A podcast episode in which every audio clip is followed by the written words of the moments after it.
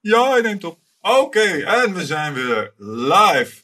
Hallo eindbaasfans. Welkom bij uh, weer een nieuwe aflevering uh, van de podcast.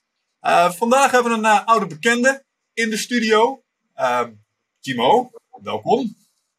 Dankjewel Michel, super tof om hier voor de tweede keer te zijn. Ja, je staat in je nieuwe huis, zie ik. Ja, klopt. waar mijn studio setup redelijk profi was. ja heeft hij uh, plaatsgemaakt voor uh, nou, een echte zolder, uh, zoals veel mensen hem herkennen. Waar ja, we echt nog maar heel kort, heel kort wonen. Dus inderdaad, prachtige, prachtige achtergrond. dat ook kijken. nou ja, mooi, no worries. Hey, en Timo, ja, al voor de tweede keer hier. Een um, aantal van de eindbaasluisteraars kennen jou dan ongetwijfeld nog, maar een paar mensen misschien ook niet. Kun je nog even heel kort vertellen wie je bent en wat je doet? Zeker. nou, Timo Hans, 33 jaar, uh, langzaam uh, ouder en degelijker. Hè? Zie, je, zie het huis met een zolder en zo en een Volvo op de uh, sinds uh, bijna anderhalf jaar trots papa. En partner van mijn vrouw Janneke. En samen met Janneke runnen wij uh, Physics Academy. Physics Academy is een oplei opleiding voor behandelaars en trainers. En ehm, ja, daar brengen wij het concept vitaliteit op een hele andere manier. Dus ik noem mijzelf vitaliteitsuitvinder. Omdat ik vind dat er heel veel dingen binnen vitaliteit nou ja, niet goed gaan. En om vitaliteit weer opnieuw uit te vinden, wel sexy te maken. Um, dat is waar ik voor sta. En dat doe ik dus middels Fierce Academy, uh, maar ook als professional spreker. Ja, hartstikke leuk. Ja, is mooi om te zien natuurlijk. Want ik heb jou uh, dat, uh, vanaf het begin af aan zien opbouwen. En dat is nu, een, dat nu gewoon een fenomeen bijna. Dat is ik uh, kan wel zeggen dat nou ja, bijna elke behandelaar trainer ons inmiddels uh, wel kent. En gelukkig ook uh, met heel veel positiviteit ontvangt. Dus inderdaad, wij kennen elkaar ja, vanaf echt het, het begin. Vanaf, vanaf het bierveeltje, hoe cliché dan ook. ja. en het is inderdaad snel, snel en heel positief gegroeid. Dus daar ben ik heel blij mee. Ja, ja. Nou, ik, vind wel, ik vind het wel tof om te zien. Want wat jij, wat jij heel goed doet. En wat voor mij ook echt een aantal eye-openers waren. Je, je pakt een paar van die concepten. En uh, je had direct door dat daar zeg maar toegevoegde waarde zat als het ging om die vitaliteitspuzzel. Ik noem maar even de Growth Index als voorbeeld. Daar hebben we het de vorige keer ook over gehad. Um, en ik weet dat je ook op andere domeinen verzint je interventies die het daadwerkelijk doen. Snap je? Dus uh, ze moeten een bepaald effect hebben. In plaats van zeggen, nou dit principe zou werken, laat je zien hoe het daadwerkelijk werkt. Um, in dat kader, wat zijn, wat zijn fronten um, waar jij op beweegt. Want we hebben de laatste keer dat we elkaar spraken, hebben het gehad over dingen als intermittent fasting. Uh, we hebben het gehad over slaapoptimalisatie. Maar ook toen al was je bezig met allerlei andere uh, domeinen. Zoals bijvoorbeeld, uh, hebben we toen helemaal niet over kunnen hebben. Vond ik ook wel interessant. Gebitshygiëne. Um, doet een boel voor vitaliteit. Um, maar zo zijn er ook andere onderwerpen waar je, die er telkens aan toevoegt. Um, waar zit nu het voor jou, wat is het, ja, hoe zeg je dat? Het scherp van de snede. Waar, waar, op welke fronten ben je nu bezig om nieuwe dingen, nieuwe kennis op te doen? In de basis voor de mensen die uh, nog, nog nooit uh, gehoord hebben, Physical Academy is een ruggengraat, is het zes domeinen model. Dus inderdaad slaap, stress, ademhaling, het immuunsysteem, uh, bewegen. Voeding natuurlijk. Ehm, dus dat is echt onze ruggengraat. Vanuit daar bouwen wij verder. Inmiddels inderdaad ehm, vanuit de jaaropleiding uh, chronisch pijn, inderdaad mondflora, gebitshygiëne en de uitwerking op wat het met het lichaam doet. Um, insulineresistentie, wat zeker ook wel een uh, hot topic is, um, als je kijkt hoeveel mensen er insulineresistent zijn. Um, mm-hmm. En daarnaast zijn er meerdere uh, gastdocenten inmiddels, hè, die hele interessante onderwerpen brengen. neurologie van bewegen, maar ook echt het microbiome bijvoorbeeld, uh, verdieping en ademhaling. Dus de, de, het rug, de ruggengraat blijft eigenlijk altijd wel het zes domeinen model. Mm-hmm. Maar er komen zeg maar ja, extra add-ons aan waarvan we zien dat die in de praktijk echt hard nodig zijn om die ja, om die onderwerpen opnieuw uit te vinden, moet maar even zo te zeggen. Ja, ja, ja. ja. En als jouw uh, exercitie in uh, wijsbegeerte uh, een beetje verloopt als die van mij, kan ik me ook voorstellen dat je op sommige van die basiscomponenten misschien ook wel wat voortschrijdend inzicht hebt of nieuwe dingen hebt geleerd. Als ik mezelf uh, masterlist zie uitleggen, dat lijkt al helemaal niet meer op hoe ik dat twee, drie jaar geleden deed. Um, en, en, er is één stuk met name wat mij echt heel veel inzicht heeft gegeven, waar ik echt een, een kwartje voelde vallen bij mezelf. En dat was dat growth index ding. Dus de verhouding DHA's versus cortisol. Um, hoe leg jij dat tegenwoordig uit? Dus uh, als je hem nu zou moeten uitleggen, um, wat, wat, wat is de growth index volgens jou? Ja, dat is een hele leuke dat je dat noemt, want daar zit, daar zit inderdaad wel voortschrijdend inzicht in. Natuurlijk, hè, je, kunt niet, uh, je kunt bijna niet stilstaan als je je verdiept in dit soort onderwerpen. Ehm, de, de conclusie blijft wel dat de inhoud hetzelfde is, maar dat je hem inderdaad vaak anders uitlegt om daarmee nog meer impact te maken. Ehm, de basis is inderdaad de Growth Index. Er is in de tijd dat wij elkaar gesproken hebben, ehm, niet mega veel nieuwe literatuur bijgekomen die iets anders zegt. Dus qua fysiologie is het nog steeds hetzelfde. Dus als we kijken naar de Growth Index, hebben we het over stress.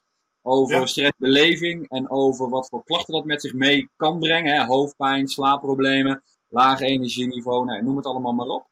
En um, normaal gesproken lichten we met stress heel erg die cortisolkant uit. Dus hè, stress op lange termijn, uh, cortisol, uitputting en dan al die klachten. Terwijl mhm. focussen we, focussen we ons op um, de growth index, dus de, de mate van groei onder stress.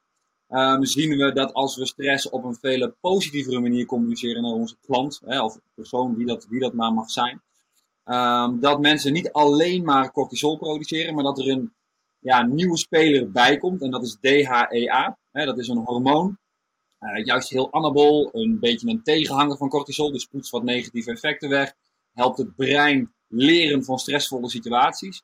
En zien we in één keer dat mensen veel beter in staat zijn te adapteren aan een stressprikkel. Ook een chronische, want dat is waar veel om te doen is. Hè, die chronische pijn die zo slecht is. Ja, um, ja, ja. laat ook daar zien um, dat je ook in tijden van stress um, veel minder hoofdpijn, veel minder slaapproblemen, veel hoger energieniveau kan hebben. En het voortschrijdend inzicht wat daarop veranderd is, zijn eigenlijk twee dingen. Um, ik hoor mezelf steeds vaker praten over um, stress is de monster onder ons bed, hè, van toen we kind waren. Zo van, we denken er heel veel van en het is heel eng. En we springen elke keer zo in dat bed, omdat we bang zijn dat er zo'n poot onder de, onder de bedrand vandaan komt die ons uh, ja, zou knippen. Terwijl blijkt dat hij er niet zit. Um, en dat haakt heel erg samen aan de formule um, kennis plus ervaring is perceptie. Dus um, wat ik een hele belangrijke vind voor iedereen om te weten, zowel de professional die wij opleiden als nou ja, de leek die, die het, de, de mm heeft, is dat wat wij ervaren van stress is gebaseerd op een heel klein beetje kennis. Hè? Dus als we nu um, een huisvrouw pakken, uh, 38 jaar, drie kinderen, um, et cetera, en zij ervaart klachten van stress, dan weet zij er helemaal niks van. Zij heeft misschien ooit een keer cortisol gehoord en dat ze van stress slechter kan mm. slapen, maar ze heeft geen fundament waarop ze dat baseert. Maar kennis plus ervaring, die ervaring is heel groot. Ze ervaart vaak hoofdpijn, een lager energieniveau. Uh, nou, hè, daar wordt ze misschien wel onzeker van ook. En korter af naar de kinderen. Dus een heel klein beetje kennis wordt gekoppeld aan een gigantische negatieve ervaring.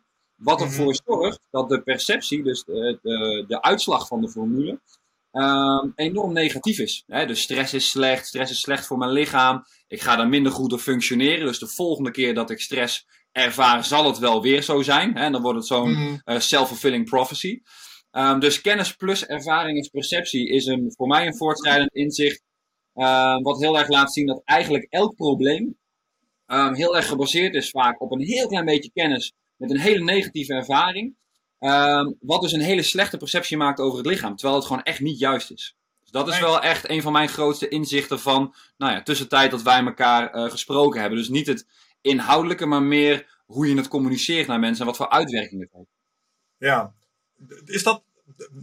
volgens mij hebben we daar de laatste keer ook even kort over gesproken. Um, maar die perceptie die vind ik interessant, want ik noem hem dan uh, je, overtuiging. Of in ieder geval, laten we het zo zeggen, je perceptie beïnvloedt je overtuiging. En die overtuiging heeft dan weer een bepaald effect um, op wat het met je doet. En dat vond ik het interessante aan de Growth Index loop. Namelijk dat de manier waarop jij, als je mensen een lijstje laat lezen met stellingen over stress, dan heeft dat dus effect op die, als ik het goed begrepen heb, op, op die productie of die balans van hormonen, correct? Um, ja, inderdaad. Er zijn, er zijn meerdere nou ja, interventies die je mensen kan, uh, kan geven, kan bieden om ze te helpen van die stress is slecht perceptie naar hey, stress werkt eigenlijk wel voor mij, ja, ook op de, op de langere termijn. Uh, Een van die dingen daarvan is inderdaad, nou ja, dat is eigenlijk meer om de growth index te inventariseren. Je hebt inderdaad een lijstje met stellingen van hey, stress is slecht voor mijn gezondheid, de gevolgen van stress zijn negatief en moet ik vermijden, et cetera, et cetera. Waar je aan de andere kant juist de positieve stellingen hebt. Hè? Dus de gevolgen van stress en positief kan ik benutten als ervaring, kan ik van leren, kan ik doorgroeien. En dat, dat gebruiken wij in onze vragenlijst om met mensen te inventariseren van hey, aan welke kant van de, van de growth index zit je. wij zeggen dan ga je mhm. linksaf naar de negatieve kant of ga je rechtsaf naar de positieve kant. En op het moment dat die negatief is, heb je verschillende interventies. Dus überhaupt uitleggen hoe stress werkt is natuurlijk een mooie interventie. Hè. Kijk naar uh, normen en waarden. Uh, nog steeds wel enigszins hot topic is uh, corona. Hè. Mensen kunnen heel erg tegen zijn, mensen kunnen heel erg voor zijn. Maar door één documentaire, door één gesprek, door één social media post, kan het zijn hè, dat die, die stelling die ze hadden ingenomen, dat die wankeler wordt. En dat ze denken, oh wacht even, ik vind eigenlijk helemaal niet zoveel tegen. Ik heb eigenlijk nu wel veel meer begrip voor voor of andersom. En dat werkt bij stress ook zo, want de stress, hè, de, de, de uiting daarvan is gebaseerd op dat kleine beetje kennis. Dus dat kennisvlak vergroten en wetende dat je niet maar één kant op kan met stress, maar dat je eigenlijk kunt kiezen, is voor heel veel mensen al nou ja, het eerste mindset effect, wat ze helpt naar een positievere growth index. Dus dat is eigenlijk altijd de belangrijkste eerste interventie waar je um, daarbij ook een aantal belangrijke opdrachten hebt die denk ik overal wel belangrijk zijn als het schrijven over je normen en waarden, top 3 of top 5 en waarom je dat echt heel belangrijk vindt. Um, help mensen dat positieve in te zien. Um, en zij, zo zijn er nog een aantal van die opdrachten die je kunt uitvoeren. Waarom helpen uh, een goed norm- en waardekader helpen? Waarom helpt dat zo ongelooflijk met um, je, je perceptie of je reactie op stress? Ja, um, aan, de, aan de ene kant vind ik enorm, ja, mensen zijn het stukje normen en waarden vaak wel een beetje kwijt. Hè, terwijl uh, gewoon door de snelheid van de maatschappij en iedereen die vindt maar wat. En je vindt natuurlijk ook heel veel foutieve informatie. En je, je hoort mensen nog niet meer zo heel vaak opkomen voor hun, voor hun normen en waarden. Terwijl, ja, als je kijkt naar het stukje persoonlijk leiderschap, hè, de, de hoek waar jij natuurlijk nog veel meer in zit. Um, en als mensen echt weten waar ze voor staan en wat ze willen en waar ze naartoe willen, dan komen die normen en waarden veel meer tot uiting. En ja, dat komt ook heel erg ten goede in stressvolle situaties. Hè, een van de um, positieve uitingen van die growth index, dus dat je naar de positieve kant gaat, is dat mensen veel eerder een oplossing zoeken voor hun stressor en er veel eerder korte metten mee maken. Dus iemand ja. vaart uh, stress op zijn werk, durft nooit wat te zeggen tegen zijn manager. Um, doorgaat een bepaald programma met coaching en creëert ook een positieve growth index. En besluit gewoon op een gegeven moment, hey, enough is enough. Weet je, nu is het klaar. Um, ik heb hier lang genoeg ingezeten, ik ga er korte metten mee maken. Wat natuurlijk uiteindelijk een hele belangrijke eigenschap is. Dus op die manier zijn die normen en waarden daar zeker wel aan gekoppeld. En ook aan geluksbeleving. Hè. Waar sta je voor? Uh, door welke bril kijk je naar de wereld? Dat, dat haakt heel mooi in op die, um, op die stressbeleving. Ja, ik wil wel even een, een klein interessant zijsprongetje. Wat weet jij inmiddels met al jouw uh, kenniservaring van um, jouw perceptie van bepaalde zaken? Want omdenken, waar je het eigenlijk over hebt, hè, van, de, van de linkerkant naar de rechterkant naar die growth index springen, nou, dat, dat kost moeite. En dat zie ik sommige mensen makkelijker afgaan als anderen. En ik mhm. denk dat er, dat er naast je perceptie, dat er misschien dingen zijn die dat vermogen om over te springen van links naar rechts vereenvoudigen voor je. Um, en daar heb jij vast ook over nagedacht. Um, wat zijn, wat zijn, hoe, hoe, kun je dat verhogen voor jezelf? Dat vermogen tot omdenken. Ja, nou daar hebben we, hebben we zeker over nagedacht. En niet alleen over nagedacht, ook in de praktijk gebracht. Um, we zijn er inmiddels meerdere, uh, of laat het, het, het, is voor mij een tweesplitsing. Dus ik ga eerst kant 1 uitleggen, dan kant 2. Um, we hebben inmiddels bijvoorbeeld een aantal psychologen, maar ook coaches in de opleiding gehad. Wat nieuw was ten opzichte van de vorige keer. En mhm. we zijn niet alleen met die stressmindset aan de haal gegaan, maar bijvoorbeeld ook hè, met intermittent fasten, wat we inmiddels lage maaltijdfrequenties zijn gaan noemen vanwege de onzinnige overtuigingen die weer hangen aan intermittent fasten. Uh, Die zijn met ademhaling aan de slag gegaan, met slaapoptimalisatie. Dus de fysieke kant om ontvankelijk te zijn, hè, voor, om van links naar rechts te gaan, is heel erg optimaliseer je energie, zorg dat je optimaal slaapt, Ehm, want ook die psychologen die zeggen, hey, wij hebben bij een paar mensen getest.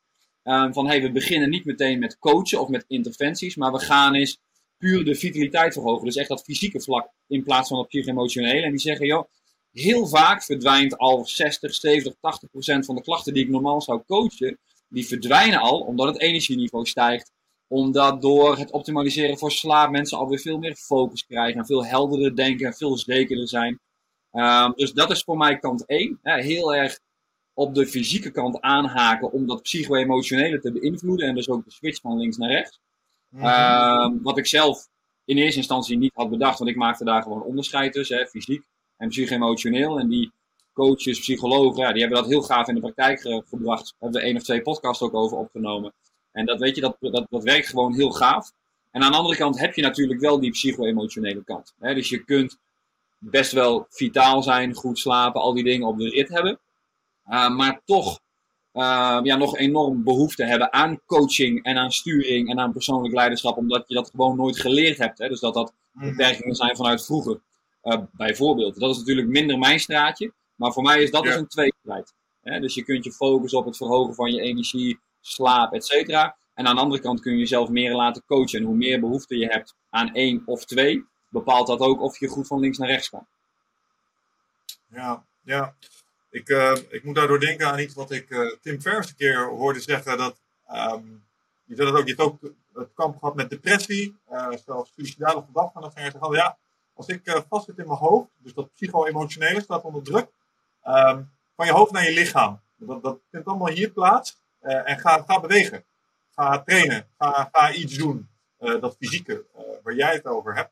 Um, want dat haalt je uit je hoofd en daardoor, ja, de meeste mensen inderdaad, die voelen zich eigenlijk per direct beter, zodat ze daar aan beginnen te sleutelen.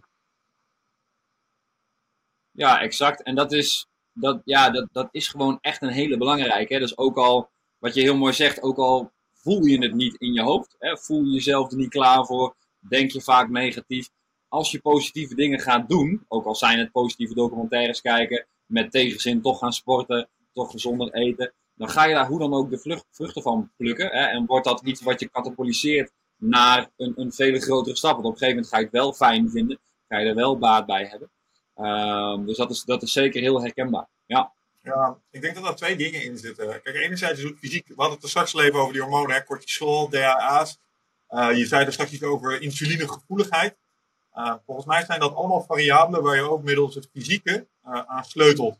Dus uh, je cortisol gaat iets naar beneden, afhankelijk van wat je doet in je sport natuurlijk. Misschien ga je DHA zo ook omhoog.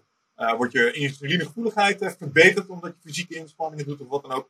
Dus er gebeuren onder de motorkap ook wel allerlei interessante dingen. Testosteron, ik weet niet hoe je tegen, tegen testosteron aankijkt in dat kader als iets wat het psycho-emotionele beïnvloedt. Ja, dat is wel een. Uh, dat, blijft een interessant. We hebben de vorige keer hebben we het daar ook kort even over gehad. En toen zei ik, toen zei ik ongeveer hetzelfde.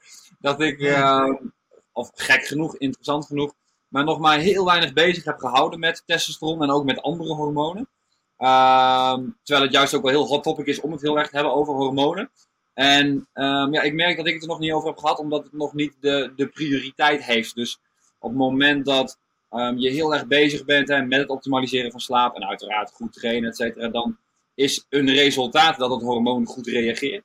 Um, en hè, wij zien klachten nou ja, zo snel verdwijnen, mensen zo snel een hulpvraag behalen, dat we nog niet echt de drang hebben gevonden um, om daar nou eens uitgebreid uh, wat meer onderzoek te doen. Maar er zijn tal van relaties van testosteron naar slaap, naar trainen, naar voeding, um, die zeker wel heel belangrijk zijn. maar ja, die we niet als een probleem zijn omdat we de oplossing al hebben. Ik denk dat dat de reden is waarom ik me daar nog maar, uh, nog maar weinig in verdiept heb. Ja, ja nou de reden dat ik het vraag is omdat ik de tweede component van je oplossing, vind ik het, het bewegen richting de oplossing, uh, is een hele belangrijke. Productiviteit redt altijd de dag. Dus uh, uh, stil blijven zitten, vergroot kans, in beweging komen, ja, geeft je een beter gevoel. Laten, we daar, weet je wat, onderstrepen is dat de bedoeling voor iedereen, je beter voelen. Um, ja, de reden dat ik zo op dat testosteron blijf hameren altijd, is omdat ik ooit een keer heb meegekregen, ja, dat is het dat is het leiderschapshormoon, weet je wel. Dat is het ding wat ervoor zorgt dat jij makkelijker in actie komt. En ik ben heel erg op zoek naar, uh, naar die mechanismes die, die ervoor zorgen dat dat overspringen van de linkerafslag naar de rechterafslag dus inderdaad makkelijker wordt. Dus vandaar die vraag dan denk ik uh, uh, nogmaals, omdat me dat zo voor de hand liggend me mechanisme leek. Um, wat, wat zeker wel zo is, daar nog even kort op inhaken inderdaad dat zijn zeker eigenschappen hè, waar, waar testosteron heel belangrijk in is. Hè, dat inderdaad manifesteren, dingen voor elkaar krijgen, dingen doen. Um, wat daarin voor ons altijd de boodschap is, wij um, noemen dat in het menselijk lichaam het setpoint. Hè, dat is je, je middenpunt waar je qua lichaamsgewicht lekker in je vel zit, qua energie, waar je goed mhm. slaapt, waar je die positieve mindset hebt, et cetera, et cetera. Dat is zo dat magische midden, dat je uit bed stapt, dat je een dag hebt gehad, dat je denkt, verdorie, dat was lekker, dat ging goed. Ja. Um, en ja, dat wordt uiteindelijk aan de fysieke kant bewerkstelligd als al die zes domeinen optimaal zijn, of in ieder geval optimaal genoeg. Dus wij zeggen altijd streef voor dat je 70, 80 procent van elk domein goed op de rit hebt. Hè, en dan weet je al niet wat je overkomt aan energie, productiviteit, ja. um, een helder hoofd, een lichaamsbouw, noem het maar op. Um, dus dat, is zeker, dat heeft daar zeker wel uh, uh, zijn aandeel in, maar het is meer dat hormonen reageren op die domeinen. Hè? Dus stel je gaat veel slechter slapen, gaan ghreline en leptine uit balans, uh, gebeurt er iets met je cortisol in de ochtend. maar op het moment dat je beter slaapt, dan normaliseert dat ook weer. Dus daarom focussen ja. wij heel erg op, um, hè, als die facetten maar goed zijn, dan reageren hormonen um, zoals ze zouden moeten reageren. Want er is best wel interessante discussie rond, hè, dat ze zeggen, ja, maar vrouwen en hormonen bijvoorbeeld, dat werkt totaal anders. Dat is ook wel zo, maar ook daarin zijn onderling weer zoveel verschillen dat je ook niet kan zeggen hoe het voor vrouwen wel reageert. Bijvoorbeeld um, in de overgang zeggen ze dan, ja, er zijn bepaalde hormonen heel hoog en heel laag en daardoor hebben ze klachten. Terwijl als ze dan onderzoeken um, erop naslaan, ze zien dat het bij sommige vrouwen ook tegenovergesteld is, maar dat ze wel dezelfde klachten hebben. Hè? Dus we, ja, kunnen, ja, ja. we kunnen nog niet zoveel ophangen aan hormonen. Waar we zeker van testosteron wel mogen zeggen dat het inderdaad ons leiderschapshormoon is en dat daar heel veel nou energie zit in dingen gedaan krijgen. Uh, maar met als resultaat dat, of met als voorwaarde eigenlijk dat die zes domeinen goed reageren. Ja, ja. Wel grappig wat je zegt, dat mensen niet weten wat ze overkomt als ze op drie van die zes al iets gaan doen uh, wat beter is dan nu. Omdat hoe mensen voelen zich nu, denk ik, als ze de cijfers zouden moeten geven, zouden ze zichzelf een 7 of een 8 geven. Ik doe dat wel eens in trainingen. Zo van, hey, typ mij even in de chat, uh, hoe voel je je vandaag? Nou, zie je 7, 8. Iedereen gooit er altijd een, een cijfer bij op, dus weet je wel, laten we zeggen 6 geven. Maar dan nog denk ik dat ze zich ten opzichte van hoe ze zich zouden kunnen voelen, dat ze zich een 4 voelen. Ja. Want, want iedereen die van uh, 6 uur slapen naar 8 uur slapen gaat, die pakt er een vol punt bij in zijn energiebeleving. Ineens. Uh, ik noem maar iets. En als je dan ook een beetje regelmatig gaat bewegen en uh, gaat sporten. Want het is gewoon ja. normaal geworden voor je. Nou, dat is wel een, um, wel een hele interessante. Dat is natuurlijk een hele subjectieve schaal inderdaad. Hè? Hoe voel je jezelf op, op 0 tot 10? En ik moest daarin denken aan een voorbeeld van uh, Rob. Rob van de Eshoff is dat. is een van onze fysiospecialisten. heeft de jaaropleiding gedaan. En die had een klant met Achillespees klachten. Gewoon continue ontsteking in zijn Achillespees. Um, en die scoorde zijn, zijn vitaliteit, omdat het toch ter sprake kwam, een 7, dacht ik. En toen waren ze vier weken aan de slag. En uh, toen kwam hij terug en toen begon hij eigenlijk heel erg over dat energieniveau. Van nou, hij zei eigenlijk, als ik na vier weken terugkijk, was het eigenlijk een 3 en is het nu een 7. En ben ik ja. er volledig van overtuigd dat ik nog veel meer stappen kan maken. Want ik voel me zoveel energieker in zo'n korte tijd. Hè, dat, die, dat het helemaal een misperceptie was. Wat nou wat is nou een 7 op een schaal van 0 tot 10? Dus die scoorde zichzelf nu vele malen hoger. Um, waar hij bijna vergeten was dat hij die Achillespees klacht had. Omdat dat ook wel zoveel beter was. Dus dat is wel een hele interessante inderdaad. Ik zeg ook wel eens, mensen scoren zichzelf eigenlijk niet een schaal van 0 tot 10, maar een schaal van 0 tot 20. Omdat er mm. mensen geen idee hebben wat er nog meer mogelijk is, omdat de kennis over vitaliteit zo beperkt is. Ja, ja. Ja, daar komt vaak nog een bijkomend voordeel bij wat, wat, ze, wat, wat je wat ik tenminste heb gemerkt, is zodra mensen meer beschikbare energie krijgen, krijgen ze vaak ook meer shit van elkaar. En het feit dat ze zichzelf zien bewegen op onderdelen waarvan ze denken, oh wat lekker, bijvoorbeeld training, noem maar iets. Weet je, als je van nul naar één keer trainen gaat, ja, dan voel je jezelf op een bepaalde manier over het feit dat je dat doet. Dat, dat, dat genereert energieknikkers, volgens mij. Uh, en daar zit dus een soort cumulatief effect in. Dus als je beter voor jezelf gaat zorgen, heb je meer beschikbare energie. En als je dat dan in de juiste dingen giet en je ziet jezelf daar weer op voortbewegen, en je reflecteert daarop, krijg je ook weer energie van. Dus dat werkt aan alle kanten. Ja. Werkt dat lekker. Ja, dat is een, uh, een hele herkenbare. En omdat je toch al aan het begin zei van hey, ja, hey, je, hebt het, je hebt het begin, uh, begin van Physics Academy wel, uh, wel gezien daarin. Uh, nu heb ik bij mezelf ook heel erg ervaren dat het, het werk wat je zakelijk gedaan krijgt, als ondernemer bijvoorbeeld voor mij, had ook enorm zo'n cumulatief effect, effect dat ik eh, best wel een tijd gemerkt heb dat ik niet zoveel voor elkaar kreeg. Dat ik niet echt het idee had dat ik ergens naartoe ging. Um, en op het moment dat ik daar weer veel meer richting aan kreeg, ook mijn energieniveau verhoogd. En als ik dan wat minder lekker in mijn vel zat, ik wel terug kon refereren naar, hé, hey, maar weet je, de afgelopen weken waren zo productief, daar kom je wel weer terug. En als je daar dan weer in die flow zit, ja, je krijgt maar meer energie, je wordt maar productiever. En op een gegeven moment worden dat, nou, wat jij inderdaad noemt, die knikkers, um, die ook gewoon veel beter weer kunt inzetten. Ja. ja, ik heb daar de laatste tijd ook best wel veel over zitten nadenken. Ik denk dat hem dat zit in het creatieproces. Kijk, je kan, je kan je tijd spenderen door gewoon dingen te doen die je moet doen. Of je kan hè, dat heb ik meegemaakt in mijn carrière. Ik heb op plekken gezeten, toen was ik iets aan het doen, dacht ik, ja, het zal wel.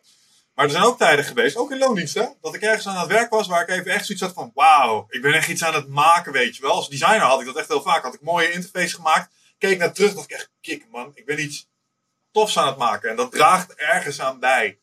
En ik denk dat je als ondernemer heb, heb je dat ook. Je maakt iets. En dat zien, zeg maar, dat, dat doet iets. Ik probeer dat in, in, in kleinere vorm tegenwoordig te doen door bijvoorbeeld vaker te tekenen. Uh, ik maak tekeningetjes of uh, schilderingetjes. Of, uh, heel stom, ik ben een computerspelletje aan het programmeren. Vind ik leuk. Um, snap je? Gewoon om iets te maken. En mm -hmm. ik denk dat een boel mensen die hebben daar helemaal geen puff meer voor. Want die zijn gewoon een soort van aan, aan het overleven. dus dan heb je al helemaal geen zin om over dat soort creatieve shit na te denken. Maar nogmaals, als je, als je dat wel doet en je ziet het dan weer terug. Kijk, wanneer je soms nu naar tekeningen kijken die hier door het huis heen staan. denk ik, ah, oh, kijk, heb ik gemaakt. Voel ik me goed. Dan pak ik weer makkelijker mijn actielijst aan. En ik denk nogmaals dat dat ook is wat je omschrijft als je als ondernemer. Als je op een gegeven moment ergens iets aan het bouwen bent en je ziet het ontstaan. Ja, voelt heel lekker. Ja, nou ja, 100, 100 En inderdaad, wat je daarin ook wel zegt, inderdaad iets creëren.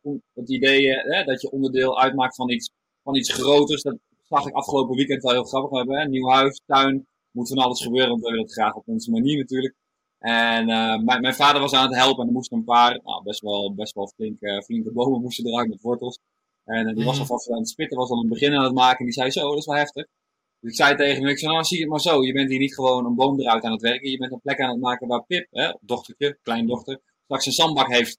En uh, ja. dat zijn we nu aan het creëren. En dat komt er zo uit te zien. En uh, toen had hij wel zoiets van, oh ja, wat verdorie, weet je wel. Hier komt straks de zandbak van. En dat was toch een heel ander idee dan, oh, ik ben hier maar stond die boom eraan het uitrosten. Um, ja. En dan heel erg denken aan het voorbeeld van Simon Sinek inderdaad. Hè? Dus waarom je iets doet en als je het idee hebt dat dat een toegevoegde waarde heeft, dat dat je natuurlijk enorm veel brengt. Ja, nou ja, het heeft te maken met het, uh, met het tweede aspect waarvan je zei, hè, wat je nu bij fysisch doen, uh, zeg maar het fysieke en het psychologische.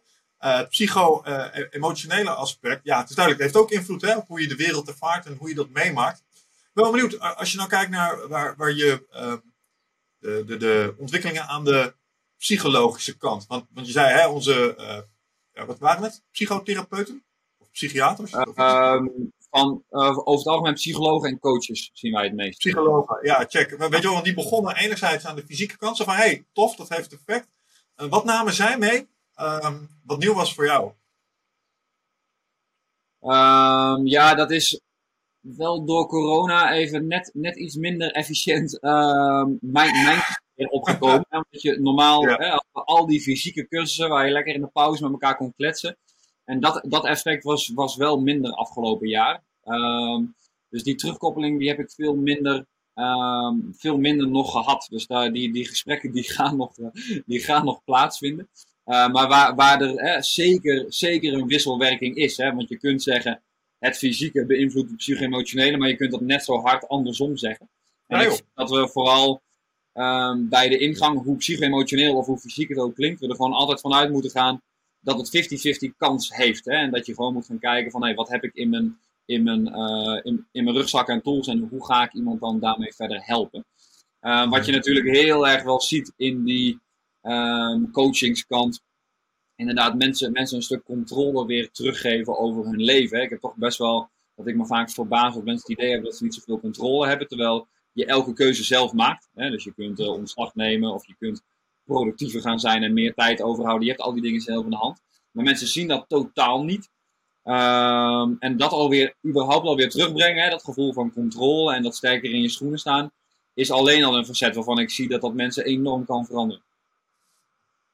Ja, ja. Wat zijn, uh, wat zijn makkelijke manieren wat jou betreft? Ik bedoel, ik zou er een uur over kunnen volkletsen, maar wat zijn makkelijke manieren die jij hebt gevonden om mensen dat gevoel beter te geven? Ja, dan kan ik denk, ik denk ik hierin even het beste, het beste bij, bij mezelf uh, beginnen, denk ik. Omdat ja, ik ben, ja, ja, sure. ja, ik, ben, ik ben zelf ook helemaal niet, uh, ik, ik stap ook niet naar voren als een coach of als een uh, psycholoog. Hè, want ik, ik weet wat ik kan en, en wat, ik, wat ik niet kan. Maar wat ik, wat ik zelf heel erg heb ervaren, ik kom echt wel van een kant waar ik Ehm, heel, heel onzeker ben, uh, gepest ben vroeger. Uh, weet je, dus de, de, richting ondernemen waren er best wel veel beren op de weg. En ook nog eens voor groepen gaan staan.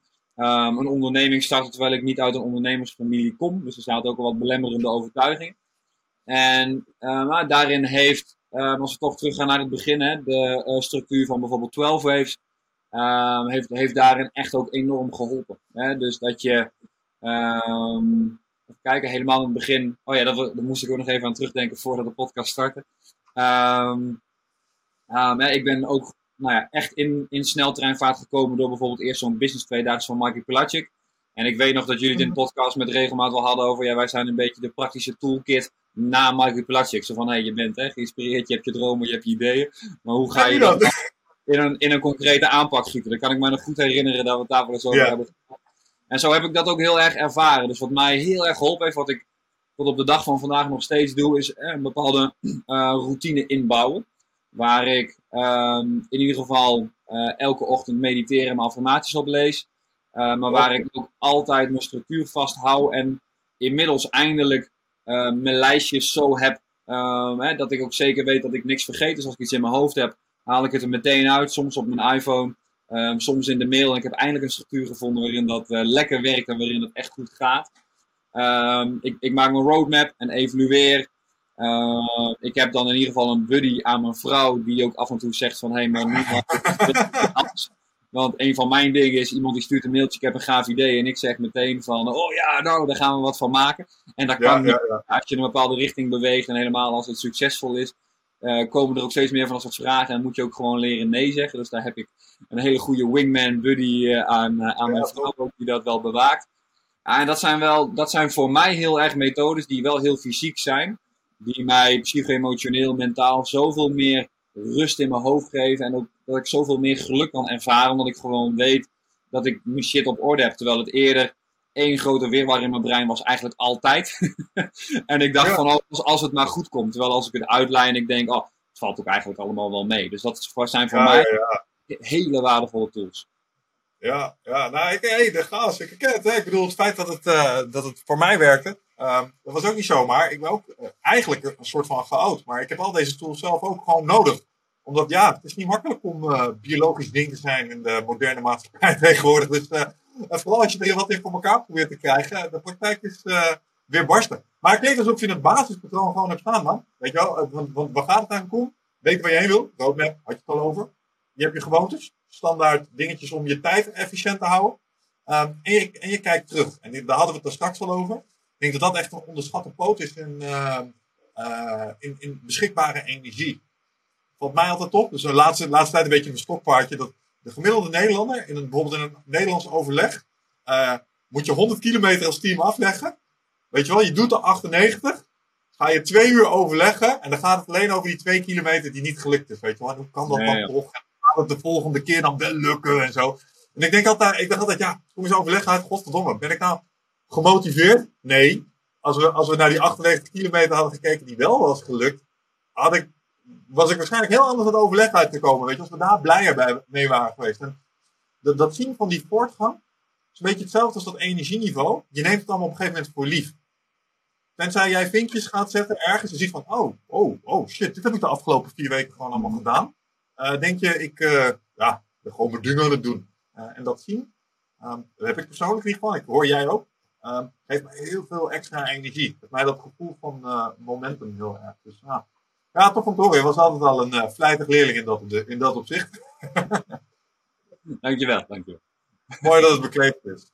Um, hey, in dat kader, um, want we hadden het er straks over uh, je fit en vitaal voelen. Uh, en als ik kijk naar mijn eigen persoonlijke energie, beschikbare energie, dan is er op dit moment één groot aandachtspunt um, waar jij ook mee bezig bent.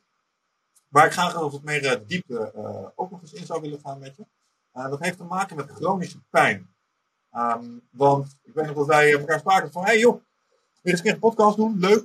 Um, ik zei, ja, nou, ik zou het wel eens willen hebben over chronische pijn. En toen dacht ik: chronische pijn, ja, hm, interessant. Ik denk dat er een heleboel mensen zijn met chronische pijn. Dus die kunnen er zeker iets van waarde leveren door het daar eens goed over te hebben. Maar is dat nou echt niet wat voor mij 100% relevant is? En toen dacht ik, nee, nee, hoezo, weet je wel. Um, maar toen zat ik daar wat langer over na te denken.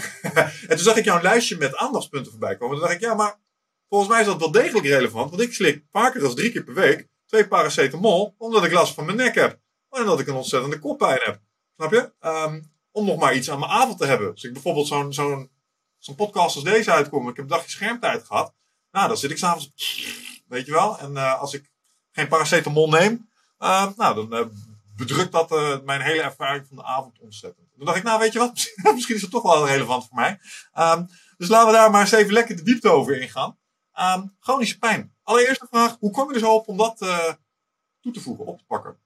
Ja, dat, nou ja, het eerste idee, ik, ik, zoek altijd al naar een onderwerp van hey, wat komt heel veel voor. En ja, mhm. schrikbarend genoeg, 1 op de 5 Nederlanders um, ervaart chronische pijn. En in de vorige aflevering uh, ging het wel over energieniveau en over stress. En ik dacht, ja, chronische pijn is wel zo'n topic wat enorm veel voorkomt, maar ja, wat ook enorm niet meer sexy is. Hè? Dus als je het over mijn doel hebt, vitaliteit weer sexy maken, dan is chronisch pijn dat totaal niet. Hè? Mensen ervaren het chronisch, dus langdurig, hebben het gevoel dat ze er niet meer vanaf kunnen komen.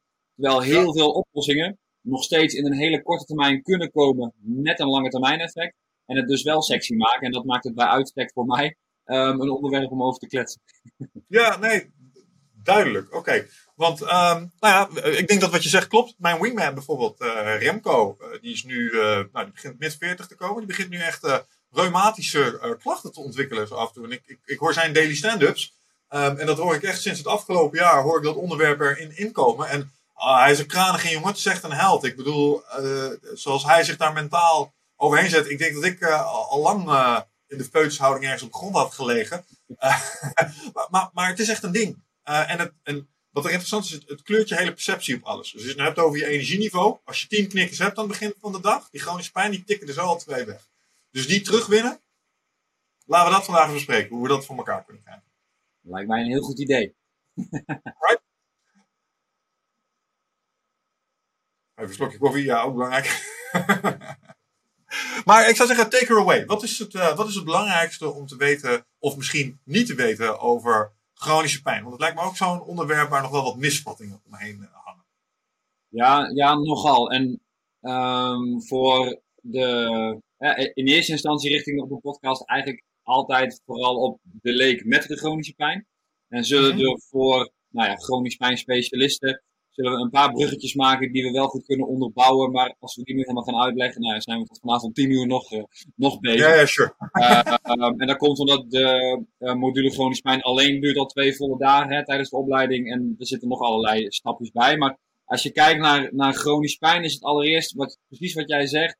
Het is iets enorm hinderlijks en het kleurt enorm perceptie. En ook chronisch pijn is gebaseerd voor de leek zelf op een heel klein beetje kennis met een hele negatieve ervaring, wat dus die negatieve perceptie kleurt. En ja, dat is gewoon heel vaak niet terecht. Dus als we kijken naar nou ja, specialisten die chronisch pijn het meest behandelen, dan um, kom je op ja, verschillende aanpakken uit van een uh, vrij klassieke. Hè, dat noemen we hands-on, dus we gaan met onze handen behandelen. We gaan um, iets manipuleren, een, een, wervel. We gaan een fascia behandelen, verklevingen, noem het maar op. Um, dat is een beetje een, een, een, aanpak die je wel hoort, die ook heel veel kritiek krijgt. Um, je hoort binnen de fysiotherapie en revalidatie heel erg de term sensitisatie voorbij komen. Dus de echte uh, klacht zelf, hè, bijvoorbeeld de ontstekingsgevoeligheid in de rug of in de nek, is er niet meer. Maar doordat het brein ervan overtuigd is dat het er nog zit vanwege een negatieve overtuiging over het lichaam, bijvoorbeeld, um, blijft die pijn in stand. Hè, maar is er geen fysiek substraat meer voor die pijn. Um, en nou, die, die twee worden heel veel gebruikt. Hè? Dus mensen zijn heel erg van, oh, ik ga het wel behandelen, ik krijg de spanning er wel uit, ik ga er wel iets mee doen. Of ja, we gaan juist leren er beter mee om te gaan. En dan hoor je de chronisch pijnklant zeggen, um, leer er maar mee leven. Hè? Ik, ik moet er maar mee leren leven. Um, en ja, beide zijn vaak wel vrij uitzichtloos. Dus als we elke klant, hè, laat ik wel correct zijn, elke klant alleen maar behandelen met onze handen gaat een heel groot percentage daar niet op vooruit. De één of twee die daar wel mee geholpen zijn, is helemaal goed. Op het moment dat we alleen maar tegen mensen zeggen, nou, hè, we gaan uh, middels uh, bepaalde methodes, revalidatie, je mee leren leven, zie je ook heel veel mensen negatief terechtkomen, omdat ze zoiets hebben van, ja, is dit het dan? Hè? Moet ik hier nou echt mee leren leven? Daar wil ik me eigenlijk niet aan toegeven. Um, en wij hebben dat gegoten in een aanpak um, uh, een, derde aanpak. En we nemen in die module nemen we ze alle drie mee. En dan heb je een mooi overkoepelend overzicht. Want er zijn nog heel veel mensen met chronisch pijn. Ehm, en chronisch pijn klassificeren we hè, alle pijn die drie maanden langer, langer dan drie maanden duurt in eerste instantie. Ehm, er is een heel groot deel die bijvoorbeeld nekklachten en hoofdpijnklachten heeft op basis van ademhaling. Of die ehm, al heel lang hoofdpijn heeft, links achter het hoofd is daar een hele typische voor, op basis van darmklachten. Of rugklachten op basis van, nou ja, noem maar wat, dat ze te weinig bewegen. Of dat ze, weet je, de, de beetje, nou ja, dat bewegen is wel een beetje een cliché ding daarin dan. Uh, maar zeg maar meer zes domeinen gerelateerd. Hè? Dus we, we doen als specialist vaak, ja, als een specialist iemand kijkt met chronisch pijn, dan stoppen we hem eigenlijk in één hokje. En dat is het hokje waarvan wij van overtuigd zijn dat chronisch pijn daar vandaan komt. Hè? Dus als ik iemand, drie mensen binnenkrijg en ik, ik zeg nee, ik zit in hokje 2, dus ik ga jou helpen en ermee leren leven. Um, want hè, de wetenschap zegt dat chronisch pijn zo werkt, wat ook zo is, die wetenschap is er ook. Um, dan gaat het misschien voor één iemand werken, maar voor die andere twee niet. En dan zeg ik bij die andere, ja. jij bent niet ontvankelijk voor mijn therapie, je bent niet gemotiveerd, of eh, et cetera, et cetera. Dat hoor je enorm vaak terugkomen. Terwijl je eigenlijk moet uitzoomen, ook als behandelaar of trainer, en je realiseren, hé, hey, ik heb zelf een blinde vlek, en dat zit hem in dat ik af en toe niet met mijn handen behandel. En um, dat ik geen aandacht heb voor ademhaling, slaap, et cetera, als zijnde echt veroorzakers van chronische pijn. Dus wat we nodig hebben, is een vele bredere kijk. Um, en wat we nu aan het doen zijn, is heel erg inzetten op die sensitivisatie. Dus het zit tussen onze oren. De wetenschap stijgt als logisch gevolg ook op dat onderwerp. Um, maar in mijn beleving, misschien maar twee of drie van de tien mensen hebben op die manier chronische pijn. Dus die anderen die vallen er buiten. En dat is, mhm. vind ik, een groot probleem. Um, waar je heel veel klanten met chronische pijn hoort zeggen van ja, de specialist begrijpt mij niet. Hè, want ik heb het idee dat er wel iets zit of dat er wel iets anders is. Maar ik krijg elke keer maar hetzelfde verhaal te horen. En dat vind ik, een, nou ja, vind ik ook een kwalijke zaak. En ik pleit daarin heel erg voor dat we gaan verbreden. Want sommige mensen moeten echt behandeld worden. Uh, sommige mensen moeten inderdaad echt er anders mee leren omgaan, omdat hun brein daar een rol in speelt. Maar ook een heel groot deel zit in die zes domeinen aanpak. Um, waar ook hele specifieke tools zitten voor chronische pijn. Dus dat is, nou ja, helikopterview breed gezien, zeg maar, wat we anders zouden moeten doen. Ja, duidelijk. Um, nog wel even interessant om toch weer, uh, komen toch weer op dat uh, uh, stukje overtuiging terug. Dus wat je eigenlijk zegt daar is dat er is een groep mensen met chronische pijn, die hadden voorheen daadwerkelijk echt iets. Um, en misschien zit er niet iets fysiek vindbaars, maar ze hebben er toch last van. Ja. Ik moet namelijk ontzettend denken aan mijn moeder, die had een whiplash. Mm -hmm. um, een keer een auto-ongeluk gehad, iemand erachterop gereden, last van de nek, naar een specialist geweest. Mevrouw, u heeft geen last van uw nek. Um, maar desondanks klachten. Snap je? Ja. Um, u zult er mee, mee, moeten leren leven. En dat heb ik altijd interessant gevonden. Hoe kan het nou toch zijn dat iets echt voelt alsof het zo, zo is, terwijl het, als je er echt naar kijkt, met, met de juiste instrumentaria, dat het niet zo is?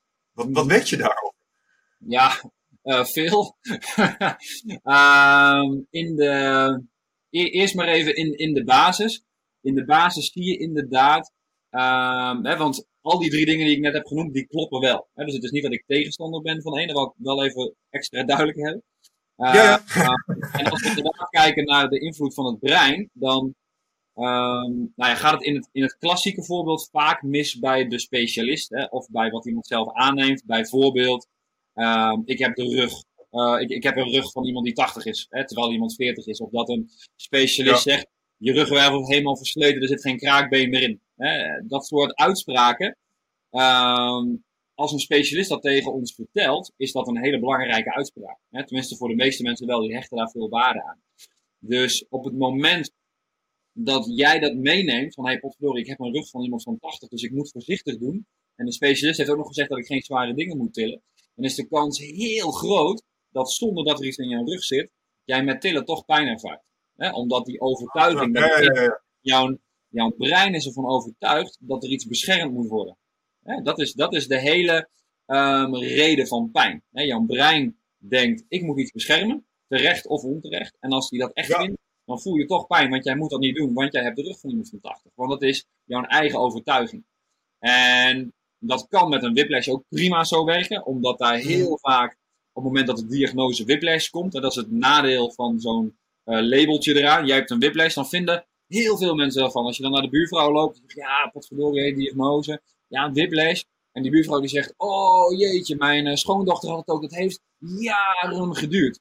ja, dan kom je alweer op die perceptie van, oh shit. En als je dat dan overal hoort, hè, dan groeit dat mechanisme van, oh, dan zal het bij mij ook wel lang duren. Waar uh, bij een whiplash bijvoorbeeld ook de aandeel van de verzekeraar er heel erg een rol in speelt. Hè. Dus op het moment dat er nog een schadeclaim speelt, kan het lichaam dat zelf in stand houden. Hè, omdat er nog een voordeel bij zit, want er gaat nog iets uitgekeerd worden. Dat is wat je in de praktijk veel voorbij ziet komen. Uh, even, maar dan niet gefijnd? Dus gewoon oprecht denken dat je het hebt? En als de claim binnen is, dat het dan weggaat? Of gewoon doen alsof? Nou, dat, het, nee, dat is dus niet doen alsof. Dat is inderdaad vaak, vaak echt een onbewust patroon. Hè? Maar je zit nog in die zaak en je wordt er nog aan herinnerd. En het is nog heel erg hè, een traumatische ervaring geweest bijvoorbeeld ook. Um, en dat hele proces kan het in stand houden, terwijl als het helemaal afgerond is, klachten wel kunnen verminderen. Ze kunnen nog steeds in stand blijven, hè, door andere factoren. Uh, maar je hoort dat zeker voorkomen. En dat is wel een mooi voorbeeld in hoe het brein ja, je kan beschermen en dat het heel erg, um, heel erg top of mind is en zo je klachten in stand kan houden. Uh, waar je aan de andere kant bij een whiplash, hè, dus als je heel erg kijkt vanuit het brein doet het, dan kun je zeggen oké, okay, dit zijn een aantal basismechanismen waarop het reageert kunnen we zo nog wel even de diepte op in, want er zitten hele interessante extra relaties weer naar bijvoorbeeld het immuunsysteem en je centraal zenuwstelsel. Oh ja, maar met een whiplashklacht zie je bijvoorbeeld, uh, ik heb vier jaar osteopathie gestudeerd, zie je ook hele interessante relaties naar de slokdarm. Omdat de slokdarm aan de voorkant van de nek zit, ook een spier is, um, en door die whiplash ook een prikkel krijgt. En andere input kan gaan geven, ook aan die musculatuur um, aan de voorkant. Wat heel vaak weer pijn in stand houdt. Dus er kan wel een enorm fysiek substraat zitten aan die whiplash. En aan de andere kant um, kan het ook prima opgelost worden door ademhaling. En het is aan de specialist om die scope heel breed te houden. Um, zodat we ook in staat zijn om te kijken, ja, maar welke is nou het meest logisch? Is het voor dit persoon nou het brein? Is het behandelen? Of is het um, bijvoorbeeld zes domeinen? Zo, zo klassificeren wij het. Ja, nou ja, je zou dat op basis van triage kunnen doen. Maar je zou in de meest extreme gevallen zou je ook gewoon uh, een checklist kunnen gaan afwerken in dat geval. Je kan de interventie uit een breder spectrum inzetten. En wat ik eigenlijk wil zeggen is dat als je aan die overtuigingkant zit, zal je interventie ook daarop gericht zijn. Terwijl op dat moment misschien iets als ademhaling. Misschien iets, uh, ik vind het wel interessant dat je dat zegt. Want whiplash vaak aan de achterkant. Maar spieren hebben ook de voorkant, de antagonisten. Het is heel logisch dat daar misschien iets aan die kant zit. Maar er wordt dan misschien niet direct noodzakelijk naar gekeken. Omdat, hè, vanuit de functionele keten. Dus dat is, dat is mooi. En als je, ja, Stel je kijkt alleen naar slaap, maar je kan ook naar voeding kijken. En je kan ook naar. Dus de kans dat je iets vindt wat effect heeft, is daarmee hoger. Ja, en daarin twee hele belangrijke boodschappen. Het is altijd focus op de duidelijke dingen. Hè? En um, hoe erg een klant zelf ook voelt, mijn pijn komt daar vandaan. Um, komt het toch heel vaak bij een goede behandelaar en trainer um, na een, echt een goed uitgebreid gesprek echt iets anders uit. Dus dan moet een klant wel mee willen hè, van waarvan die overtuigd is dat het zo is naar iets anders. Uh, hè, dus focus op de duidelijke dingen. Dus niet naar, oh je hebt ook een klein beetje een slaapprobleem, maar al tien jaar lang lage rugpijn. Ja, dat, dat gaat elkaar niet, niet, niet, niet hè, dat gaat geen oplossing geven, om maar even zo te zeggen.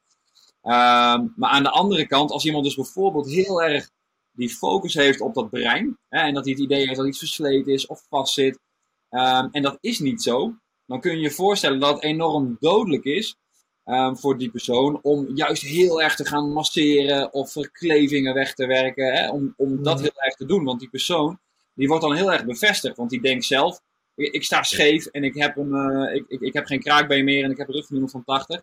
En die behandelaar trainer zegt, ach kom maar, ik ga het wel lekker losmaken. Maar dat bevestigt elkaar heel negatief. Want die klant denkt, ja zie je wel, het zit heel vast.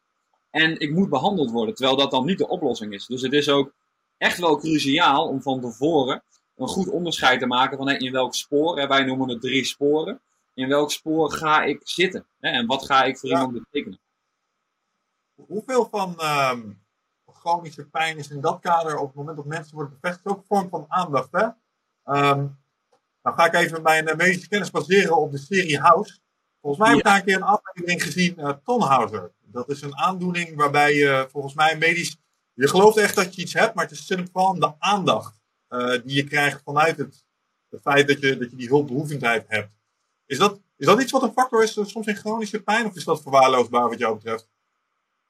Um, hoe, hoe, bedoel je dan precies? Als iemand heeft zoveel aandacht voor ik moet wel iets hebben dat hij het krijgt, bedoel je dat? Nee, nee, nee. Kijk, als ik, uh, als ik, als ik iets heb, ik heb een whiplash, en dat is iets, daar heb ik mijn moeder ook wel eens van verdacht. Het is ook wel handig om een whiplash te hebben, hè? Kan je het over hebben, is zielig, geeft aandacht. Ja. Uh, je mag naar de dokter, die heeft aandacht. Je mag naar een specialist, die heeft aandacht. Als er iets is en je voelt je niet lekker, kun je daar naar wijzen, weet je wel. Ja. Volgens mij had dat een naam. En volgens mij was dat Tonhauser syndroom Ja. of zo, ik weet niet zeker.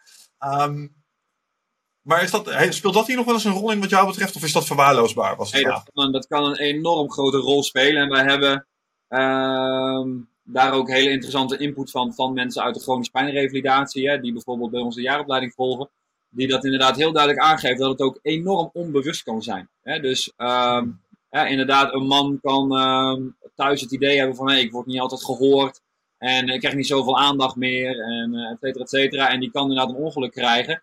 En die vrouw is in één keer een soort van verpleegkundige en krijgt heel veel aandacht. En van de omgeving ook, die bellen, hoe gaat het met je? Weet je wel, is alles wel goed? En iemand kan zowel bewust als onbewust ehm, ja, dat patroon weer ehm, in stand houden. Hè, dus dat is echt wel een, eh, vooral in dat, in dat tweede spoor, zeg maar. Of ja, wij noemen dat niet het tweede spoor, bij ons heet het het eerste spoor. Ja, ja, ja. Dat, dat, het, dat, het brein, dat het brein een van de oorzaken is, is inderdaad aandacht ehm, die ze ervan krijgen enorm belangrijk. En het, het vergt een, een flinke ehm, specialist om een gesprek te hebben van, hey goh, een onderdeel om van jouw pijn af te komen heeft ermee te maken dat jij aandacht krijgt hè, die je normaal gesproken niet meer had. Hè, en daar ben je naar, naar op zoek gegaan, die heb je gevonden. En daar moeten we iets Ja. mee gaan doen. Dat is best wel een, eh, best wel een gesprekstechniek eh, ja, sessie waardig, om het even zo te zeggen. Ja, ja ik, heb er, ik heb er altijd over verbaasd. Overigens in die House-aflevering was het nog een slag erger. Eh daar had het over Tonhauser bij proxy. Dus dat is, dat is als je mensen in je omgeving, bijvoorbeeld als de vrouw in dit geval, eh, de echtgenoot ook ziek houdt. Omdat zij ook een soort van aandacht krijgt van de mensen van, oh, het is wel moeilijk hè, dat je man, eh, dat, is ook een eh, fenomeen. Maar desondanks psychologisch niet helemaal op orde volgens mij. Dus dat is, dat is een aandachtspuntje lijkt mij. En zeker als je er zelf als persoon aan leidt. Want volgens mij wil je dat ook helemaal niet. Maar wat je zegt is onbewust. Het dient dus toch een of ander doel, denk ik ergens. Ja, als je verder, als je verder kijkt naar evolutie, hè, de mate van aandacht, veiligheid, dan, dan krijg je dat. Ehm, en daar hoef je inderdaad zelf, zelf niet over na te denken. Dat gaat in vele diepere lagen van je brein. Die maken die sprongetjes van, hey, dit is een best wel een gewenste situatie, ondanks die pijn. Ehm, en los van dat je dat rationeel niet wilt, kun je daar inderdaad bewust eigenlijk pas wat aan doen als iemand je daar op de juiste manier ehm, ja, mee confronteert. Ja, ja. Ja, ja, check. Duidelijk. Je had al straks nog een klein sprongetje dat je wilde maken in dit kader richting het immuunsysteem. Daar wilde ik nog even aan herinneren. Ja, ja dat, dat is echt een, dat is echt een, een hele interessante. Ik krijg er altijd een grijns van als, ik er, als we het erover hebben. Het. Ja, Het is, het is zo, eh, laten we het zo zeggen, we komen best wel uit een, uit een wereld met chronische pijn waar ehm, chronische pijn vaak een beetje ontastbaar is. Behandelaars en trainers zoeken vaak naar hoe ga ik chronische pijn nou naar mijn klanten uitleggen. En hebben vaak een beetje het idee dat ze dus wat aan het vertellen zijn dat het tussen de oren zit. Terwijl ze dat eigenlijk niet per se willen uitleggen, omdat ze ook wel realiseren dat mensen niet op die boodschap zitten te wachten. En Ehm, voor de klant zelf, die heel veel zoekende is, is dit vaak ook een, ja, een hele mooie van, goh, ehm, oké, dus ik, ik ben niet gek. Er gebeurt daadwerkelijk wel iets in mijn lichaam. En wat daarin een hele, ja, de- dat is een, een, een een serie aan eh, stappen. Maar wat het meest interessant is, is ehm, het immuunsysteem en het centraal neurologisch zenuwstelsel, dus ons brein en ons ruggengraat, spelen een hele belangrijke rol in het gewaarworden van pijn en of we dat in stand houden of niet. Waar ehm, het immuunsysteem bepaalde patronen herkent. Dus op het moment dat ehm, je, laten we lekker duidelijk beginnen, je gaat door je enkel. Hè, echt een flinke, het wordt blauw, het wordt dik. Weet je, gewoon echt even lekker door je enkel eh, ja, ja goeie. dan, dan ontstaat daar heel veel zwelling. Hè? En daar ontstaan heel veel ontstekingsgevoelige stoffen. Hè? Prostaglandine, bepaalde interleukines, eh, TNF-alpha. Weet je, dat zijn allemaal ontstekingsgevoelige stoffen. En die komen in zo'n patroon dat het immuunsysteem dat herkent. Dus het immuunsysteem weet, hé, hey, wacht even, die ontstekingsgevoelige stoffen zie ik allemaal. Ehm potverdorie, dat is gevaarlijk. Daar moet wat gebeuren. En omdat het immuunsysteem dat herkent, in dit geval noemen ze dat een DAMS, D-A-M-P-S. En dat staat voor Damage Associated Molecular Pattern. Dus het is een moleculair patroon, een patroon van moleculen, op basis van Mhm. schade, damage. Ja. En dat noemen we dus een DAMS. En weet je, doordat het in het lichaam circu- circuleert, weet het lichaam, wacht even, er is schade en er moet energie naartoe. Het immuunsysteem is ook wel de, ja, de, de, de leider, het regelcentrum van waar in het lichaam gaat er energie naartoe. Dus als je ergens niet herstelt, komt dat vaak weer terug op het immuunsysteem. En er zijn vijf van dat soort patronen. Je hebt dus een DAMS op basis van schade. Je hebt een PAMS op basis van pathologie. Hè, dat is de P van pathologie is ziekte. Dus bepaalde ziektebeelden hebben bepaalde patronen waardoor het immuunsysteem weet, oh wacht even, hier klopt iets niet. We hebben een um, XAMS, dus met een X, dat staat voor Xeniobiotic. Dat is een, um, alles wat in ons lichaam komt, wat het lichaam zelf niet kan maken, dus synthetisch. Neem als voorbeeld in chronisch pijn uh, bepaalde, uh, bepaalde pijnmedicatie. Als bijvoorbeeld oxycodon is echt een, uh, iets wat natuurlijk pijn remt, maar wat via het immuunsysteem ook kan zorgen voor meer pijn, omdat het de ontsteking aanwakkert. Ja. Um, en dan heb je nog een gedragsmatige en een cognitieve um, AMS. Hè, dus de BAMS van behavior en de C cognitief um, hè, van, van cognitie. En die laatste twee zijn wel even interessant om een uitstapje na te maken. Want die wetenschappers die zeg maar met die PAMS, DAMS en XAMS bezig zijn, dus de synthetische Mhm. stoffen, de schade en de ziekte, um, die komen er langzaam in onderzoek achter, ja maar zelfs door gedrag en cognitie kunnen we ook bepaalde moleculaire patronen creëren. Bijvoorbeeld histamine, hè, wat ook een, uiteindelijk betrokken is in het ontstekingsproces. Dus door ervan overtuigd te zijn dat iets zo is, of je op een bepaalde manier te gaan gedragen, kun je dus fysiek in je lichaam bepaalde patronen hebben, waardoor het immuunsysteem denkt, hier is iets niet goed. En dat is natuurlijk een hele interessante, want dan gaat het niet om dat zit tussen je oren, hè, als in de beetje zweverige variant, van je bent eigenlijk een beetje gek en je houdt het in stand. Maar dan gaat het over, je hebt jezelf een bepaald gedrag en een bepaalde cognitie aangeleerd, door het trauma, door de aandacht, door wat dan ook. En daardoor hou je fysiek het ook in stand. En dat is eigenlijk een hele grote doorbraak dat we dat, dat we dat kunnen. Los van dat het wetenschappelijk nog één of twee stapjes nodig heeft, zien we in de praktijk heel veel effect. Hè. Dus er is al wel wat wetenschappelijke grond. Dat, dat mag nog wel iets beter. Het is nog allemaal hele, hele nieuwe research. Maar nou kunnen we dus tegen iemand zeggen, eigenlijk, je bent niet gek. Maar je hebt jezelf wel bepaald gedrag en cognitie aangeleerd, die fysiek gezien ook te verklaren is. En dat is echt in chronisch pijnrevalidatie, ook bij onze cursisten, is dat een enorme doorbraak. Zo van, oh, wacht even, dan kan ik het dus wel op een normale manier uitleggen. En, en het, ik stoot hier eventjes wat om. en het, reactie, ik zag het. Ninja. ja, maar de vlekken zijn vrij goed. Eh, ja, dat wel. Maar dan kun je, hè, dat, dat, dat- dat maakt een gigantisch verschil aan wat je in die formule kennis plus ervaring is perceptie ehm, koppelt. Want meestal is het stukje kennis, ik ga jou proberen te vertellen dat pijn tussen je oren zit en dat landt meestal niet goed bij de klant. Dus die, percep hè, dus die ervaring plus perceptie is niet goed. Terwijl als je een heel mooi breed kennisvlak kan creëren van ja, de specialist heeft gezegd het zit tussen je oren, maar ik ga je dat even goed uitleggen en ik ga dat even heel fysiek voor je maken. Dan denkt iemand, oh, nou snap ik hem. Een goed, mooi kennisvlak biedt een totaal andere ervaring. Vaak al binnen twee, drie weken dat mensen zeggen: Wow, ik heb veel minder klachten. Ik voel inderdaad op het moment dat de pijn optreedt, dat ik mezelf anders gedraag, dat ik meer spanning heb, et cetera, et cetera. Dus de perceptie verandert ook. En dat is op gedragsmatig niveau ehm, echt een enorme doorbraak. Ja, en wat ik dus. Oké, maar dit is het mechanisme waar ik volgens mij naar op zoek was. Want wat je eigenlijk zegt is dat er biomoleculaire patronen, dus reacties van een, een, een fysiek systeem, rechtstreeks worden beïnvloed door dingen doen en door dingen weten. Ja. Correct?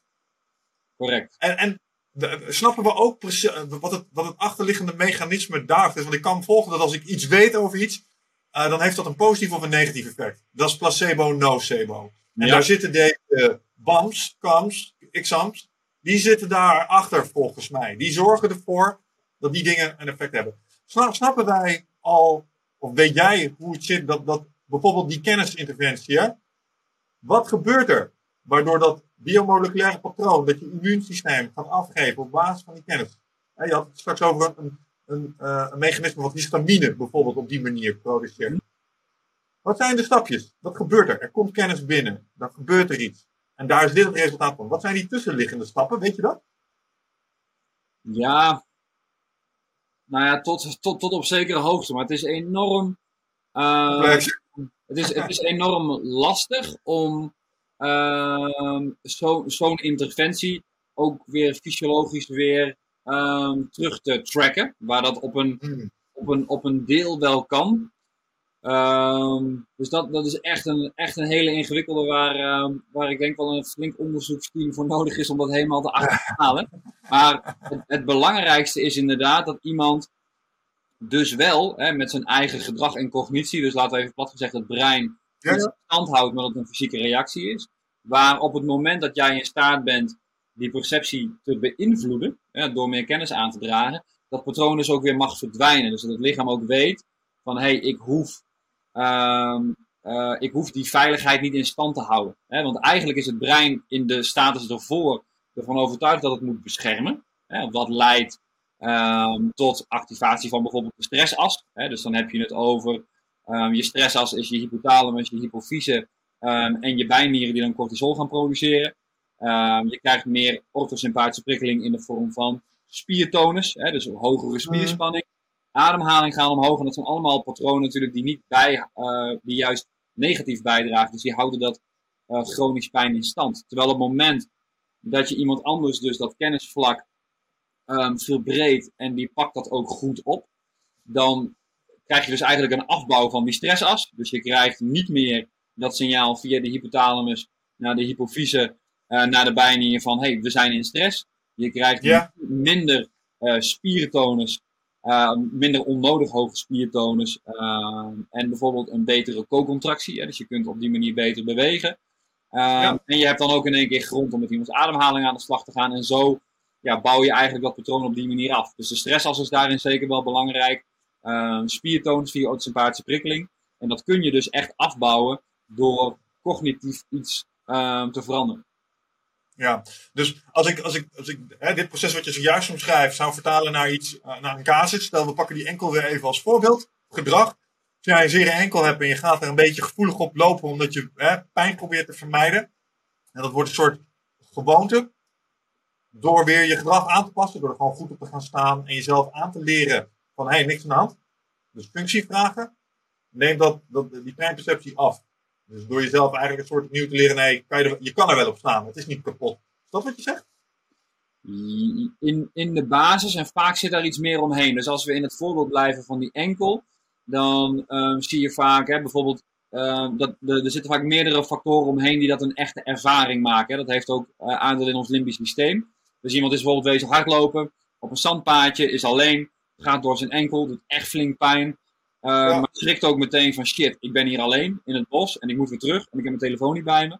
Ehm, en die kan daar best wel even een flink nare ervaring hebben, moet misschien wel een stuk naar een weg hinkelen.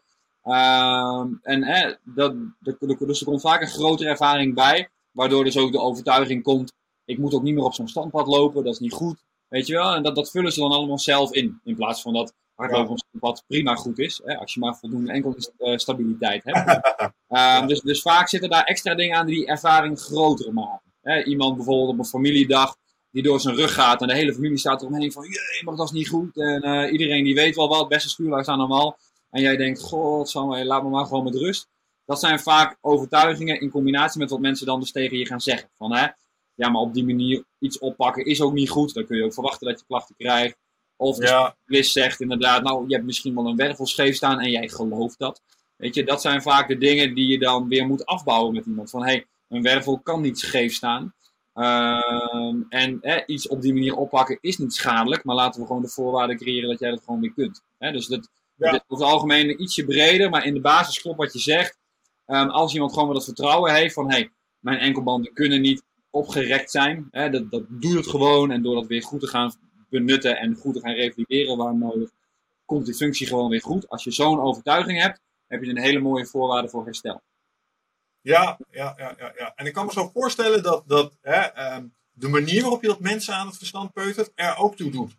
Want we hebben allemaal wel eens een keer iemand van een stukje kennis voorzien. ehm, maar dat landde niet direct. Hè? Want er zitten lagen van overtuigingen naar op overtuigingen overheen. En die afpellen, nou, dat is volgens mij ook wel een, eh, eh, een vak apart.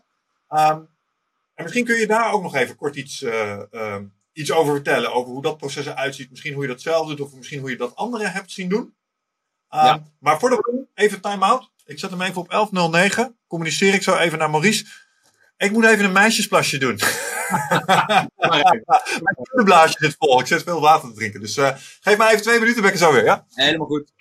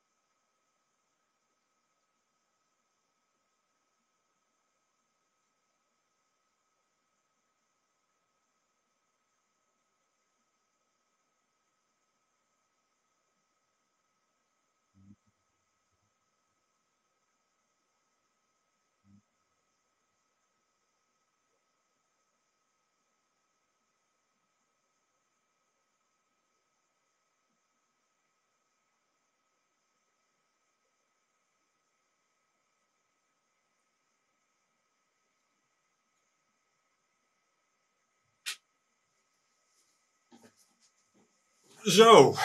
Yes. En dat kader trouwens, we hadden de laatste keer dat we deze zouden doen, had ik toch uh, gezegd, joh, ik had slecht geslapen. En toen uh, zei ze super blij had van, ja, dan had je mijn slaapinterventie moeten doen. Daar heb ik nog een vraag over aan jou. Als Maurice, we zijn weer begonnen. Kijk maar wat je doet met dat uh, stukje er even tussenuit knippen. Maar um, mijn probleem met mijn slapen was, even een kleine segue, is, ik ben 40 plus vriend. Ik word de laatste tijd wat vaker s'nachts wakker om plasjes te moeten doen. Ja. Ja, dat hoort niet. Minder drinken, ja, hoor je vast vaker dit. Ja, dat hoort niet. En uh, als je het dan hebt hè, over je eigen nek- en hoofdpijn bijvoorbeeld. Ja. Uh, dan val jij waarschijnlijk hè, niet in dat chronisch pijnstuk van uh, je brein. En daar ligt ook niet van het behandelen, maar meer aan de zes domeinenkant. Hè. Dus, ja. dus, ik maak nu een aanname natuurlijk op een paar dingen die ik hoor en, en wat ik van sure. weet. Uh, maar het is heel belangrijk daar onderscheid in te maken. Want ik kan nu tegen jou zeggen dat het tussen je oren zit, maar dan ga je s'nachts niet meer weer mee doorslapen.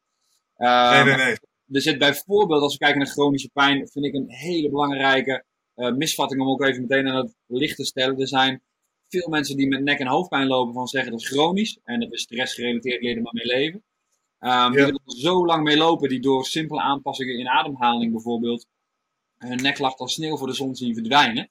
En ja, dan kunnen we het niet meer hebben over die vorm van chronische pijn. En um, op het moment dat je overdag met regelmaat nek- en hoofdpijn hebt, langzamerhand wat nou ja, slechter begint te slapen en ook wakker wordt om naar het toilet te gaan. Dus dat specifieke patroontje, dat zien we vaker. Mhm. Uh, dus je bent niet de enige. uh, wat daarin heel vaak gebeurt, is um, overdag is het um, heel aantrekkelijk en ook onbewust dus om um, eenmaal achter je laptop of in een volle focus hoger te gaan ademhalen. Dus een wat meer oppervlakkige borstademhaling te hanteren. En wat daarmee gebeurt is dat je dus je middenrift veel minder gebruikt. Um, ergens moet wel longinhoud gewonnen worden, want je moet nog steeds ademhalen en dat doe je dan met je hulpademhalingsspieren. Dus je hebt, je, uh, nou, je hebt een aantal spieren, dat is niet zo relevant om te noemen, maar aan je sleutelbeen, aan je ribben, ook je tussenribspieren, ook uh, middenrug, lage rug, die ervoor zijn om ademhaling normaal gesproken te assisteren, die dan die volledige ademhaling gaan overnemen. Dus je gaat eigenlijk ademhalen met je nekspieren. En wat we daarin zien is een hele onnodige extra spanning naar die nek en naar het schedel, waardoor je nek- en hoofdpijn krijgt. Want normaal gesproken hoeven die spieren alleen maar je nek uh, en je schouders te stabiliseren en wat bewegingen toe te laten. En nu gaan ze vaak tot 10, 15, soms wel 20 keer per minuut ook aan je ribben trekken om ademhaling mogelijk te maken. En dat is een, een dubbeltaak die ze niet kunnen. Ja, eigenlijk heel goed kunnen, maar op een bepaald moment uh, je krijg je er toch wat klachten van. Hè? Dus, ja. uh, en die hogere ademhaling, leidt automatisch ook weer tot meer orthosympathische prikkeling. Dus je gaat uh, voor de kijkers thuis wat meer naar fight or flight. Dus je gaat wat meer naar die stressrespons door een hogere ademhaling, omdat die daaraan gekoppeld is. Waardoor je over het algemeen uh, zien wij heel sterk minder diep in slaap valt. Waardoor je ook s'nachts wakker wordt, juist ook om naar het toilet te gaan. En wat daaraan de koppeling is, is omdat we leven hè, in een, ehm, in een 24 uur ritme en we zijn ongeveer 16 uur wakker en we slapen ongeveer 8 uur. Ehm, en op het moment dat we richting die 8 uur slaap gaan, worden bepaalde orgaanfuncties geremd. Hè? Dus komt er, ja, een, even makkelijk gezegd, een soort van remming op die blaasfunctie. Dus die rek die neemt wel toe gedurende de nacht van die blaas. Maar die prikkel zorgt er niet voor dat je naar het toilet moet. Dat hoef je pas in de ochtend. En die blaas kan vrij veel hebben. Ook als je s'avonds uh, juist twee glazen extra water drinkt, hoef je daar nog steeds niet wakker van te worden.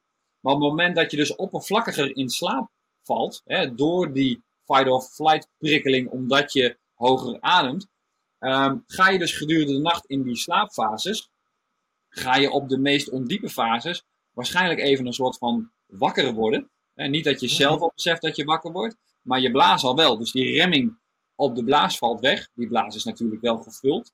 Die prikkeling wordt waargenomen, doorgegeven aan het brein. En jij wordt wakker omdat je denkt hè, dat je wakker wordt omdat je moet gaan plassen. Maar eigenlijk is het andersom. Hè? Dus jij sliep al oppervlakkiger. En in een van die ondiepe fases heeft jouw blaas door, oh wacht even, hè, ik ben wakker genoeg. Dus die remming die valt weg. En op die manier word je wakker. Terwijl we heel veel zien dat als het je lukt om overdag um, meer op je buikademhaling te letten. En vooral even die 5 tot 10 minuten voor het slapen gaan. Um, meestal en helemaal doorslapen. Um, dus ook uitgeruster wakker worden en weer meer knikkers, om maar even zo te zeggen. en ook overdag veel minder nek- en hoofdpijn. Ja, ja ik denk, ik, heel eerlijk, ik denk dat hij daar zit. We hebben het toen met Patrick McCown erover gehad. Het is niet de eerste keer ook dat ik jou over ademhaling hoor. Probeer er wel op te letten, maar ik heb de laatste tijd ook wel zitten denken, misschien toch weer eens wat tape op de mond proberen. Ik weet niet of jij daarover denkt, zodat je wat meer door je neus gaat ademhalen. Was zijn idee destijds, waardoor je diafragmatisch ademen sowieso iets meer aangaat. Um, hoe denk jij daarover? Ja, wij maken daarin wel een belangrijk onderscheid, want ik, inderdaad, hè, de materie van hem is, enorm interessant. Uh, wij nemen dat ook mee tijdens de, tijdens de jaaropleiding, maar er zit wel een belangrijk verschil um, tussen techniek en chemie. Dus dat wil zeggen, mhm. ademhalingstechniek is adem je diafragmaal hè, of adem je onnodig met hulpademhalingsspieren of iets daartussenin. Um, en dan is het per persoon nog even kijken wat is goed en wat is fout.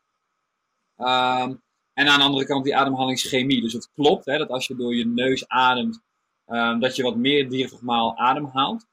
Uh, maar op de, eigenlijk gebruik je de technieken van Patrick McEwen meer om de ademhalingschemie te verbeteren. Dus om te zeggen van hé, hey, ik wil uh, bijvoorbeeld langer CO2 kunnen vasthouden. Hè, zodat ik uh, nou ja, zuurstof efficiënter kan bieden. En eigenlijk meer wat, meer dat chemische verhaal. En als het meer gaat om hoofdpijn, uh, nekpijn, dan is het ook echt raadzaam om niet alleen maar te denken: hé, hey, ik tape die mond s'nachts af. Uh, maar ik ga overdag ook echt erop letten dat ik goed diafragmaal ademhaal. En daar gaat die tape je dan weer niet bij helpen. Dus die tape is zeker voor sommige mensen een waardevolle interventie, maar wel met een ademhalingschemieprobleem. Waar ik bij jou nu zou zeggen dat het probleem veel meer op techniek is. En als je 5 tot 10 minuten voor het slapen gaan, um, gewoon een goede um, buikademhaling pakt. Misschien met ondersteuning van een bepaalde app, maar dat kan ook gewoon heel ja, ja. Um, dat je in ieder geval die klachten in de nacht niet meer hebt. Dus dat je binnen nou ja, drie, vier, vijf dagen gewoon weer doorslaapt. En dat je, dat je daar geen last meer van hebt. om dan vervolgens overdag ook bewuster bezig zijn met die techniek. Uh, maar daar um, ja, gaat het vaak mis, omdat mensen zeggen, ja maar hallo, overdag ben ik gefocust. Hè, en ga ik niet um, onderbreken om bijvoorbeeld buikademhalingsoefeningen te doen. En vind ik ook terecht. Um, dus daarin zou mijn advies zijn, ga vooral tijdens je ochtendritueel eerst maar eens focus op je ademhaling. En dat die ook goed diafragmaal is, dat die goed door je buik is. en op het moment dat het mensen lukt om dat in het ochtendritueel veel meer automatisme te krijgen, lukt het ze vaak ook veel automatischer om het overdag gedaan te krijgen. dus mijn, mijn, aanpak was eerder altijd, zorg maar gewoon dat je heel van die momentjes hebt dat je door je buik ademt, met als resultaat veel frustratie en heel veel huiswerkgevoel.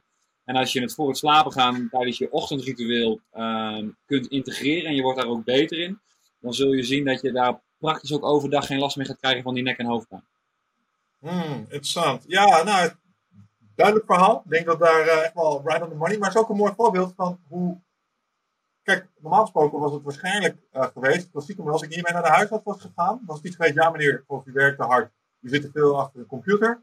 Uh, en dat is dat moet u niet doen. want dat is niet goed voor u. Dus dan krijgt u een burn-out, weet je wel. Dus dat waren alle valkuilen waar we het in het begin over hadden. even kort op een rijtje.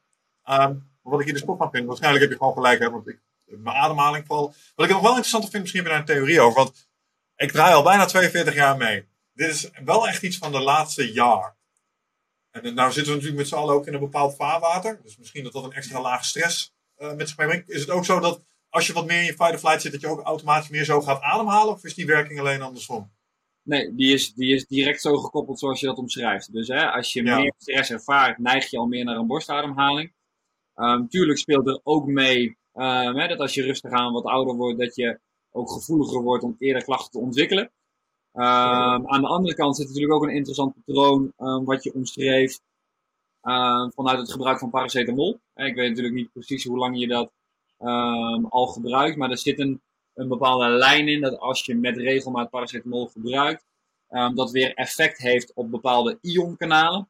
Even korte uitleg. Je hebt is maar even in je huid um, hè, gevoelsreceptoren, vrije zenuwuiteinden, die heb je op heel veel plekken in je lichaam. En in die zenuwen, als je daar, stel je zou daar heel hard in knijpen, dan wordt dat pijnsignaal doorgebracht naar je brein. Of eh, hoef je niet heel hard in te knijpen trouwens, maar even voor het voorbeeld van mijn, van mijn uitleg op het beeld. Um, en in die vrije zenuwuiteinden zitten allemaal poortjes en dat noemen we ionkanalen. Dat zijn eiwitten en die kunnen stofjes doorlaten of niet. En daardoor kunnen we ook mhm. wel of niet pijn ontvangen. Want als je zo'n barrière van zo'n vrije zenuwuiteinde niet kan doorkruisen, dan kun je ook geen pijn bewerkstelligen. En er zitten heel verschillende type ionkanalen in zo'n vrije zenuwuiteinde. En één specifieke gaat ook minder goed functioneren door het gebruik van paracetamol. En ah. nou als je dat patroon al een tijdje doet, um, en dat zijn er meerdere op een dag, dan is dat ook interessant om daarna te kijken. Want heel veel mensen creëren voor zichzelf met een aantal gewoontes die in het begin en onschuldig zijn en onschuldig lijken, creëren ze toch um, een neerwaartse spiraal waar ze zelf niet meer zo goed uitkomen. Dat ze denken, ja, zo erg is het toch niet wat ik doe. Um, en paracetamol heeft dus daadwerkelijk wel ook een negatief effect um, op het ontwikkelen en in stand houden van chronische pijn. Duidelijk verhaal. Nou, dan, uh, hey, ademhaling. Ik heb het gehoord. Ik ga proberen om uh, die uh, buikademhaling overdag gewoon beter een plek te geven. Um, ja, ik probeer het tijdens de sport te doen. Wat ik altijd probeer te doen met ademhaling, want het is net wat je zegt, hè. Als ik zoals nu, in deze, het is dat we het over ademhaling hebben, dus ik zeg, oh ja, ik moet weer eens op mijn ademhaling gaan als ik aan het podcasten ben of ik ben les aan het geven, ik zit altijd, altijd druk bezig en dan denk je daar dus echt niet over na. Dus de truc wordt voor mij, als ik het goed begrepen heb, om dat wel zo in mijn systeem te krijgen, dat ik het ook op die onbewuste momenten uh, daadwerkelijk gaat doen. Want om, om je paracetamolvraag of om dat verhaal af te maken, drie dagen per week, nou toch zeker wel twee, soms vier op een dag. En nou, als ik daar zo uh, beluister, en dat is al wel, nou, dat wel zeker een jaar gaande. Ja, nou, voilà. Dan is dat in ieder geval, kijk, het is nooit dat je kunt zeggen, goh, daar komt het door. Ik, ik hou er altijd heel erg van om te kijken naar, er zijn meerdere lijnen naar een klacht. Hè? Dus als je een klacht in het midden hebt, in ieder geval nek- en hoofdpijn, dan heb je ademhaling, slaap, stress, uh, blokkades, verklevingen. Weet je, alle, alles kan omtrent, omtrent die klacht. Maar paracetamol gebruik is er ook één van. Dus als je nu in dit gesprek focust op duidelijke dingen, zou ik zeggen, joh, uh, knikken die paracetamol eruit. Uh, zorg dat je met die ademhaling aan de slag gaat, zoals we net besproken. En dan heb je mm. uiteindelijk um, al vrij snel een mooie doorbraak in die klachten, waar het natuurlijk wel um, ja, uitdagend is. Hè, ook met het vele beeldschermgebruik, wat natuurlijk ook een factor is um, naar nek- en hoofdpijn. Om ook die ademhaling echt in stand te kunnen houden. Hè, dus een, waarschijnlijk een aantal iets bewustere momentjes inplannen. Uh, begin van de dag, eind van de dag. Um, die zullen je zeker helpen. En heel veel mensen, ook die zeggen, joh, ik heb al zo lang nek- en hoofdpijn, ik kom hier nooit meer vanaf. Ademhaling gaat niet helpen. Um, die merken op het moment dat klachten opkomen, hè, dus meestal komen klachten inderdaad op gedurende de dag, op, het moment dat ze, op het moment dat ze het voelen opkomen, gewoon even vijf of tien minuten door hun buik ademhalen, voelen ze het vaak ook zo weer afzakken. En dat is een hele mooie bevestiging um, van dat je met de juiste interventie bezig bent. Want in het kader van het lichaam heeft altijd gelijk. Als je iets een, de juiste prikkel geeft, oh, hoe lang duurt de pijn ook, kan het lichaam daar nog steeds enorm snel op adapteren. En ik vind dat we daar meer aandacht voor mogen hebben. Want vaak zeggen we in chronische pijnrevalidatie, ja, dat gaat lang duren. En stel je er maar op in en je we gaan je ermee leren leven. Terwijl hebben we de juiste tool gevonden, hè, wat we kunnen als we zo breed kijken, dan kan je nog steeds soms binnen vier weken een enorme doorbraak hebben um, en gewoon nergens meer last van hebben. Ja, ja, ja ik merk dat uh, wat je zegt achter het scherm weg, wat mij heel veel goed doet, is uh, gewoon het groen in. Ik weet niet of je daar een idee hebt als het gaat om pijn, de relatie tussen pijn en natuur. Mij zoals verteld dat patiënten die uh, bomen kunnen zien sneller genezen. Dus het zal er ongetwijfeld een effect over hebben. Weet je daar iets van? Nou, dat kun je wel zeker direct koppelen aan bijvoorbeeld die stressrespons en aan hoe ons brein reageert op natuur. dus ook onder MRI-scans reageren wij al anders op afbeeldingen van steden dan bossen en, uh, en meren bijvoorbeeld. dus er zit een, wij zijn ook natuurlijk evolutionair zijn wij heel erg gekoppeld aan groen, natuur. Dat geeft ons ontspanning, dat geeft ons wijsheid, dat, dat geeft ons van alles. Um, dus dat is zeker, zeker een belangrijke tool die er extra aan kan koppelen. Ook omdat we er per definitie, zodra we een bos instappen, uh, we minder gestrest zijn. Dus zo kun je dat koppelen aan ademhaling, aan pijn um, en aan ons, hoe ons brein daarmee omgaat. Ja. ja. Ja, wat ik vooral tof vind aan ademhaling is, het is zo'n primair ding, jongen. Um, en, en dat het zo'n ontzettend effect kan hebben voor sommige mensen, dus blijkbaar ook een pijnperceptie. Dat vind ik echt mooi, want dit kan iedereen per vandaag gewoon proberen. Uh, dus daar kun je mee aan de slag. Um, in diezelfde categorie, ook onderdeel uit je zesde mijnen model, um, stukje voeding. Ja. Ook wel interessant bij stil te staan, want dat is ook iets, hè, jij kan zelf, nou ja, makkelijker gezegd dan gedaan, maar je hebt invloed op wat je in je, in je hoofd duwt als het gaat om je eten. Um, wat, wat weet jij over uh, pijn en de combinatie met voeding? Ja, dat, dat ligt er maar net aan hoe, hoe, lang je het erover wil hebben, Micha. nou, laten we, uh, laten we bij het begin beginnen. Er zal ongetwijfeld een relatie zijn. Ja. Oeh, kijk, elk, elk domein kan um, bijdragen aan chronisch pijn. En als we helemaal teruggaan naar de basis waarop dat begint, dan is dat op ontsteking. dus het immuunsysteem uh, ziet graag ontsteking in het lichaam, als in dan kan die het oplossen. Maar dan moet het wel een duidelijke ontsteking zijn. Bijvoorbeeld dat voorbeeld van door je enkel gaan. dat is gewoon lekker duidelijk, goede ontsteking. Um, kan het immuunsysteem goed zijn functie op uitvoeren. Maar als we kijken naar een slaapprobleem, ongezonde voeding, dan zijn dat niet um, zulke duidelijke zaken als door je enkel gaan. Maar zijn dat meer wat we noemen laaggradige ontstekingen. we noemen dat LGI, een low grade of inflammation. En um, dat wordt in steeds meer beroepen als serieus gezien. Er is ook veel wetenschap um, na al en vooral ook veel praktische toepassing uh, geeft het ons. Um, omdat die laaggradige ontsteking is dus een ontsteking die het immuunsysteem niet duidelijk ziet. Dat een beetje zo sluimert en een beetje kabbelt. En ons zo'n vaag chronisch ziektebeeld kan geven. Dus bepaalde chronische aandoeningen hangen daaraan, maar chronisch pijn hangt daar ook voor een deel aan. En ja, bij voeding heb je het aan de ene kant op globale schaal natuurlijk um, op bijvoorbeeld macro's. Hè, dus eet je een beetje in de juiste verhouding eiwitten, vetten, koolhydraten, waar de gemiddelde Nederlander um, veel meer koolhydraten eet dan eiwitten en vetten. En het lichaam moet toch ergens van herstellen en moet er toch ergens mee doen. Um, dus dat is heel algemeen, uh, maar ook belangrijk om het zo algemeen te schetsen, omdat nou ja, een fysiotherapeut bijvoorbeeld, hè, die veel met chronisch pijn werkt, over het algemeen niet vraagt naar voeding. Um, terwijl het voor een heel veel mensen toch een belangrijke doorbraak is in een chronisch pijn. Waar um, kwaliteit van de darmwand daarin een hele belangrijke is. we hebben natuurlijk uh, darmcellen bestaan allereerst uh, het, het membraan van de darmcel uh, bestaat natuurlijk uit vetzuren. En op het moment dat dat meer uit omega 6 bestaat dan uit omega 3, is dat al lichtelijk ontstekingsgevoeliger, want dat is de eigenschap van omega 6. En de gemiddelde Nederlander heeft veel meer omega 6 in zijn lichaam um, dan omega 3. Dus die verhouding die is in onze westerse samenleving is dat uit verband getrokken. Um, en daarnaast, weet je, heeft um, voeding natuurlijk qua vezels die we eten meteen invloed op, op ons microbiome. Dus wat we eerder onze darmflora noemden, dus de bacteriën goed en slecht in onze darmen, die ook bepalen voor een deel wat we opnemen, ook weer bijdragen aan die laaggradige ontsteking. Uh, dus daarin maakt het uit wat voor vezels we eten. Um, En of we genoeg vezels binnenkrijgen. Hè, dus vooral uit groenten, fruit, uh, noten, nou ja, noem het, noem het maar op. Uh, ja. Ja, dus zo zijn er heel veel, heel veel zijweggetjes. Hè. Best wel een grote groep mensen reageert niet goed op brood vanwege het, het stofje sonuline. Sonuline zorgt er weer voor dat die darm veel doorlaatbaar, hè, meer doorlaatbaar is.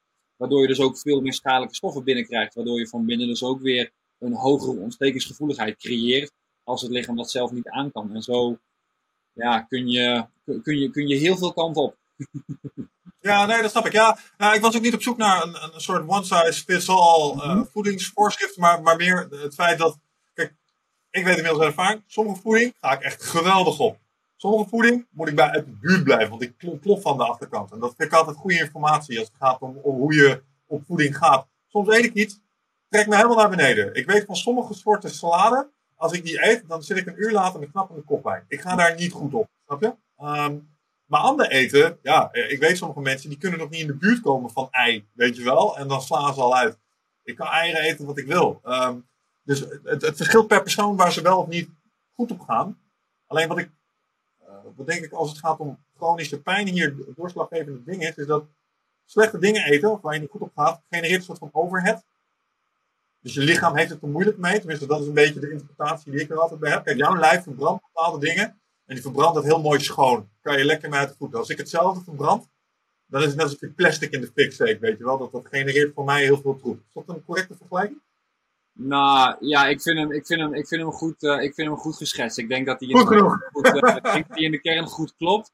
Wat wel daarop een hele belangrijke toevoeging is, en dat zie je ook bij mensen met chronisch pijn, als mensen al lange chronisch pijn hebben, um, zie je toch ook vaak als je de intake ook richt op voeding, hè, dus daar is weer de meerwaarde van die intake richten op, op verbreding, zie je toch ook ja. wel vaak dat mensen makkelijk zeggen, ja, ik heb wel wat voedingsintoleranties, dus ik reageer niet goed op bepaalde voedingsmiddelen. Ja, dat kan inderdaad bepaalde groenten zijn, dat kan ei zijn, dat kan zuivel zijn. Um, en vaak zijn die ontstaan. Hè? Dus een van onze motto's is: elke klant heeft zijn of haar verhaal. Dus wat is er nou van nul tot nu gebeurd met die persoon? Wat kun je daaruit leren? En je ziet vaak dat hoe meer mensen hè, dat immuunsysteem belasten en die andere domeinen en dus van hun setpoint afkomen, dus uit dat magische midden komen, dat, het, um, dat mensen ook veel meer intoleranties ontwikkelen. Dat het immuunsysteem eigenlijk laat zien, joh luister, um, je bent mij onnodig aan het belasten. Um, het zij met voeding, het zij met stress, het zij met een langduriger ziektebeeld. En daardoor Mhm. komen de intoleranties, terwijl de meeste mensen denken dat dat gewoon iets is wat vanaf nu de standaard is. En je ziet Ja, ja, daar had ik een vraag over. Ik, dacht, ik had zoiets van, kijk, jij bent of allergisch voor noten of je bent het niet. Ehm, snap je? En dat is een genetisch ding. Maar wat ik jou hoor zeggen, is dat dat ook wordt beïnvloed door lifestyle. Dus je kunt over de loop der tijd, zou je maar zo lactose intolerant kunnen worden? Is, is, is dat juist? Ehm, eerst even dat andere inderdaad. Als het gaat om, als het gaat om allergieën gaat dit, gaat dit niet goed op. Hè? Dus een belangrijke scheidingslijn tussen allergieën en intoleranties. Dus mensen met een notenallergie die gaan daar hoogstwaarschijnlijk nooit van afkomen, want het is een echte allergie. En dat zit ook Ja, genest. Ja, genest op ja, immunologisch geheugen. Maar kijken we naar intoleranties, wat jij noemt een lactose-intolerantie, ehm, worden wij allemaal per definitie, als we ouder worden, eh, wat intoleranter voor lactose. Ehm, omdat we minder lactase produceren, dus het enzym wat het afbreekt. En dat heeft ook te maken met dat verschil in ons microbioom bijvoorbeeld, waardoor we die gewoon wat minder goed meer kunnen gebruiken. Ehm, wat we dus wel zien is als mensen, nou ja, de echte chronische pijnpatiënt die, die daar al jaren en jaren last van heeft, die zegt soms, ja, ik kan gewoon zelf sommige groenten en fruit niet meer hebben. Ehm, en daar ook echt hè, eh, diarree van krijgen obstipatie. Terwijl je nou ja, met een aantal aanpassingen in voeding ehm, gewoon binnen twee maanden dat iemand zegt, hey, ik kan het gewoon zonder enige problemen weer eten. Soms duurt het iets langer, maar binnen twee, drie maanden zie je soms die verschillen al heel duidelijk. En dan is de boodschap dus niet, hey, jij bent ziek en je hebt intoleranties daardoor. Maar het wil zeggen, hey, jij hebt hè, dat lichaam zo lang belast, je bent zo ver van je setpoint afgekomen. Ehm, Ja. Jouw immuunsysteem die aandacht niet meer heeft voor die intoleranties. Uh, maar als je dat sy- systeem gewoon weer tegemoet komt, zegt het immuunsysteem, natuurlijk kan ik die producten wel hebben, want die zijn gewoon prima gezond. Hè? En zo zie je dat veel intoleranties ehm, reageren. En bij allergieën ehm, is dat echt wel een ander verhaal. Soms zie je wel wat verbeteringen, maar dan is de vraag, ja, is dat dan echt op de allergie? Ehm, of reageert, reageerde iemand op voorhand al veel ontstekingsgevoeliger vanwege nou ja, de zes domeinen? Ja. Wat is een eh, goede manier om, eh, om je lichaam, bijvoorbeeld als het gaat om voeding, iets tegemoet te komen? Dus je zegt, hé, hey, ik, ik overbelast het qua voeding. Wat zijn interventies die je kunt doen om eh, dat tot rust te brengen? Ehm, zeker een belangrijke waar ja, elke Nederlander aandacht voor zou moeten hebben. Ehm, gewoon meer groente eten. En eh, groente brengt ons hè, nou ja, meer vitamine, mineralen. Maar ook vooral meer vezels waar onze darmen echt wat mee kunnen. Ja. Ehm, dus dat is echt wel een belangrijke. Gewoon zorg dat bij elke maaltijd groente zit. Dat zou eigenlijk de norm moeten zijn. Hè? Terwijl het gemiddelde gedrag van een Nederlander is dat ze in de ochtend brood eten en in de middag brood eten. Uh, wat mij meteen brengt op mijn tweede punt. Als het aan mij ligt, gaat iedereen gewoon als experiment. Is gewoon vier weken lang geen brood, rijst, pasta en aardappelen eten. Uh, niet omdat dat in de kern alleen maar slechte producten zijn. Dat zou je mij nooit horen zeggen. Uh, maar brood denk ik wel, maar de rest ook niet, niet per se. Uh, maar gewoon eens om dat verschil te ervaren van één, koolhydraten ergens anders uithalen. En gewoon eens meer eiwitten en vetten gaan eten. Hè. Wat gebeurt als je die producten mijt? Dan ga je meer van het andere eten. Want wij zijn gewoon in onze cultuur ja, heel erg ingenesteld met dat het maar heel normaal is om elke dag hè, brood en rijst en aardappelen et cetera te eten. En we reageren daar gewoon niet goed op. En we worden daar ontstekensgevoeliger van. Het is niet goed voor onze darmen. En we zouden dat niet in de mate moeten eten dat we het nu doen. Dus dat zou ja. uh, voor mij al een hele grote winst zijn. Ja, en ik ben natuurlijk enorm uh, voorstander, misschien wel voorvechter uh, van, van de lage mattenfrequentie. Dus ik vind dat we echt, echt moeten stoppen met 6 tot 8 keer per dag eten. En dat we dat terug moeten schroeven. Lichtelijk verschil tussen mannen en vrouwen. Maar dat we dat terugschroeven naar gewoon drie maaltijden per dag. En dat we ook meerdere malen uh, nuchter zijn. Dus ook in, in chronische, chronische pijnklachten. Ja, in de middle fasting. Nou ja, heb ik het nog regelmatig over in mijn eigen masterclasses. Dat is echt een van de beste lifehacks van het jaar hiervoor. gewoon vaker niet eten en je gewoon beter voelen. Het is paradoxaal, want het, is, het gaat in tegen alles wat je hebt geleerd. De, de eh, belangrijkste maaltijd van de dag is je ontbijt, vertellen ze je. Mm. En dan ga je dat ineens overslaan en dan kom je erachter, hey, ik voel me eigenlijk tot een uurtje vier helemaal top. Uh, dus ja, nee, um, helder verhaal. Hey, en um, een verdiepingsvraag over die maaltijdfrequentie. Um, want ik, uh, ik heb een vriendinnetje en uh, die heeft last van een, uh, hoe heet dat? Um, lekker, lekker maagband. Um, lekker een van de dingen die ja. dat, om dat tot rust te brengen is toch iets vaker eten. En koolhydraten en eiwitten en vet een beetje scheiden. Het, het klassieke overload, PHP-protocol. Ja. Die dingen uit elkaar trekken. Het idee erachter is die verteringsprocessen even tijd geven om, om uh, zijn eigen ding te doorlopen. Omdat als je ze bij elkaar ingooit, werkt, ja, uh, is het rommeliger of zo. Wat, wat weet je daarvan? Ja, dat, um, dat al, laten we in de basis zeggen, want ik, ik ken het protocol en ik ben, ik ben altijd heel erg gesproken over de opleidingen van, uh, van Overload. Ik ben zeker, zeker voorstander. Um, enthousiast in wat ze doen en hoe ze het brengen. Ik vind het echt heel goed. Um, als je kijkt naar Um, ja, dat protocol omtrent het scheiden en zo vind ik, vind ik dat zelf lastiger, omdat daar ja, niet, niet, niet echt grond voor is. Dus ik zeg altijd als iemand nou ja, voor 70% bij zijn setpoint zit, dan heeft hij deze klachten niet. Dus je hebt geen lekkende darm of iets met je maag um, of maagstuur of andere problemen op het moment dat je dicht genoeg bij je setpoint zit. Want um, dicht genoeg bij je setpoint is een lagere ontstekingsgevoeligheid, is een normale hormoonproductie, is een goed hersteld in de nacht, hè, zodat je overdag weer aan kunt.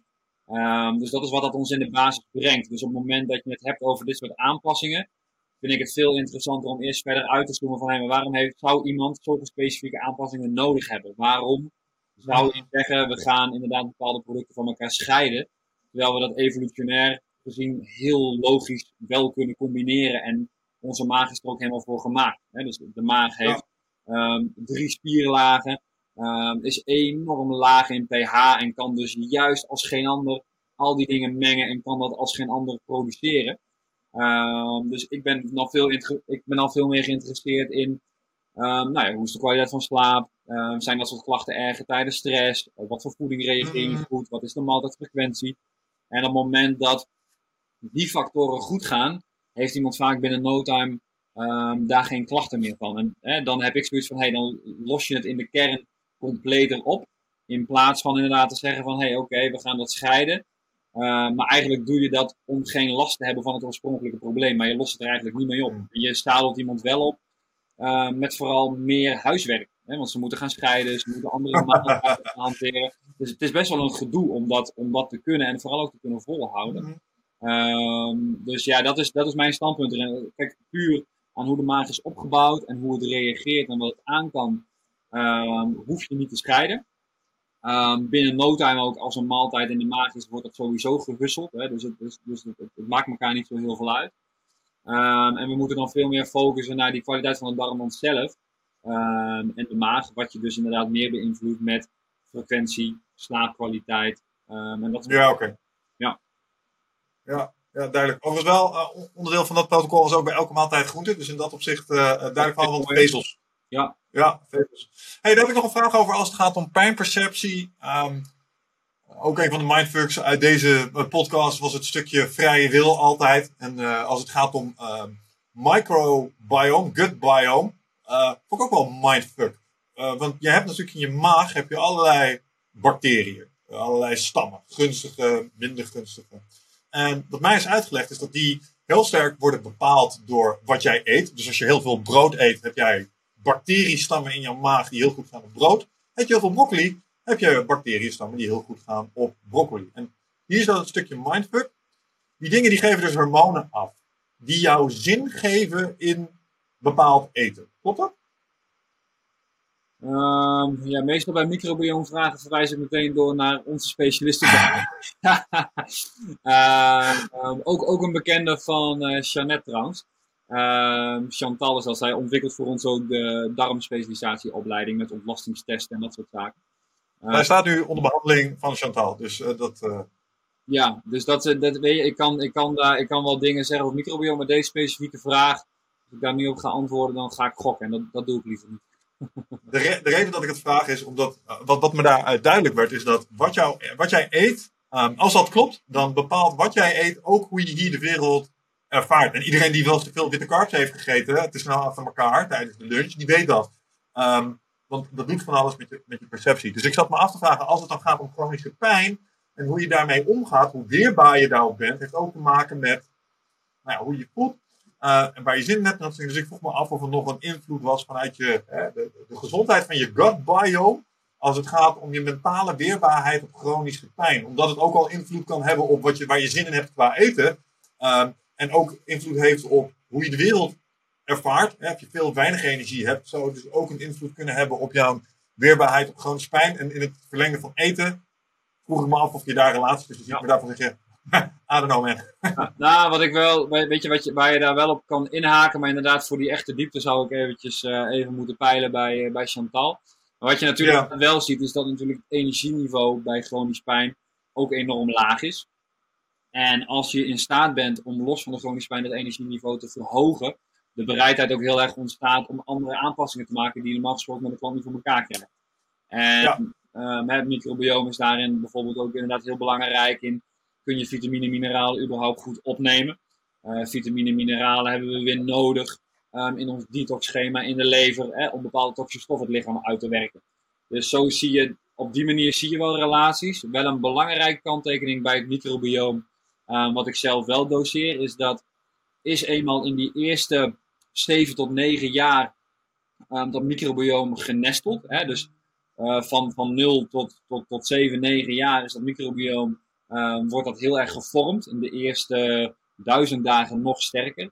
Hè, is is ja. daar het microbioom goed ontwikkeld, dan is het niet zo dat dat zomaar op latere leeftijd nog enorm verandert. Hè, dus je kunt wel door echte big life events veranderingen krijgen, waardoor je darmklachten krijgt, of nou, wellicht ook wel chronisch pijn op lange termijn. Door, maar dan gaat het echt om een scheiding, uh, helemaal failliet gaan met je bedrijf en er echt helemaal even uitleggen, een, een depressie. Weet je, dat zijn dingen die dat microbiome echt wel kunnen verstoren. Maar gaat het om een bepaalde periode wat dominanter voedsel eten, dan zal dat tijdelijk wat aanpassingen maken. Dan zal het op lange termijn niet per se zo zijn. Dus dat zijn wel belangrijke dingen. Want mensen denken nog wel eens bij dat microbiome van, nou, neem ik even een probioticumpje en dan ben ik er zo weer of zo. dat, die gedachten die gaan niet op, omdat is dat eenmaal genesteld, dat geldt ook voor je mondflora, uh, dan is dat echt wel uh, nou, dan is dat moeilijk zomaar weer van zijn troon te stoten. dus het, het kan, ja, maar niet, niet zomaar uh, even door een maandje iets anders te doen of zo. Nee, dat, dat vergt een structurele lifestyle aanpassing. Ja. Ja, ja. Nee, net zoals met voeding, hè? het is geen dieet, het is een lifestyle. Ja, dat is het wel. Waar inderdaad, um, doordat die uitspraak heel vaak gedaan wordt, hè, kun je er alweer een beetje meer allergisch voor worden. Dat je denkt, oh ja, het is een lifestyle. Maar het klopt in de basis helemaal wat je zegt. Hè. Dus het, eigenlijk moet het zo zijn dat mensen kiezen voor hè, die manier van eten. ehm, die manier van stress mindset, omdat het onderdeel is van hun leven. Nou, lifestyle is dan ja, wel, wel de juiste term, maar net als intermittent vasten ehm, staat misschien al wel een beetje weer in een negatief daglicht, omdat iedereen al gooit met lifestyle. Zeg maar. ja, als je het hebt over voortschrijding, want ik had deze van jou. Deze haal ik letterlijk van een van de sheets die jij voor mijn programma destijds. ja, 100%. Ja, 100%. Maar hey, no worries man, no worries. Hey, um, ik wil nog even een, uh, een loopje afsluiten waar we mee zijn begonnen voordat ik eventjes mijn uh, plaspauzetje moest inlassen. Uh, en die heeft ook te maken met het laatste punt op mijn, op mijn prep. We hadden het namelijk over het, het doorbreken van overtuigingen en gedrag. als het ging om hè, die BAMs en die, en die. Um, maar dat heeft misschien ook te maken met een ander aspect van pijn, waarvan ik niet helemaal zeker weet of je dat binnen scope hebt hier. Maar mentale pijn. Omdat er ook, hè, eh, er is iets als fysieke pijn, hoofdpijn, maagpijn, maar je hebt ook zoiets als angststoornissen, stress, depressies um, en dat soort. En dat, dat zou je maar zo als een vorm van chronische pijn um, zullen kwalificeren. Heb je, daar in dit kader ook wel eens over nagedacht? Of, of raakt het het ergens of zeg je nee, dat is echt zo'n veld van expertise, dan moet je echt naar psychologen toe. Um, hoewel ik me kan voorstellen dat het zes model daar ook weer gewoon een effect op heeft. Dus misschien heb je daar ideeën over. Nou, zeker. Wat je, um, laat het zo zeggen, we zijn inderdaad snel geneigd om uh, angststoornissen, depressies, burn-out is een heel mooi voorbeeld daarvan. Um, om dat meteen te klassificeren als uh, nou ja, meer psycho-emotioneel en mentaal. Er natuurlijk hele sterke koppelingen wel zijn naar het model, waar ja, waar we, wat ik eerder al zei, heerlijk zou zijn als we er in een intake gewoon zouden, vanuit zouden kunnen gaan. Dat het 50-50 is, of het fysiek is of mentaal. dus heel vaak, als je nu bij de psycholoog komt in een angststoornis, nou, dan ga je praten over die angststoornis en hoe het dan getriggerd raakt. Terwijl heel vaak, als je dat combineert met slaapoptimalisaties en um, bepaalde ademhaling, um, je of het al hebt opgelost, of het veel sneller gaat dus dat het heel erg hmm. complementair is aan elkaar. Dus ja, ik zou heel graag een wereld zien, en die zijn we dus ook aan het creëren langzaam. Oh, we zien steeds meer coaches en psychologen die dan weer samenwerken met de fysiotherapeut en de personal trainer en de diëtist.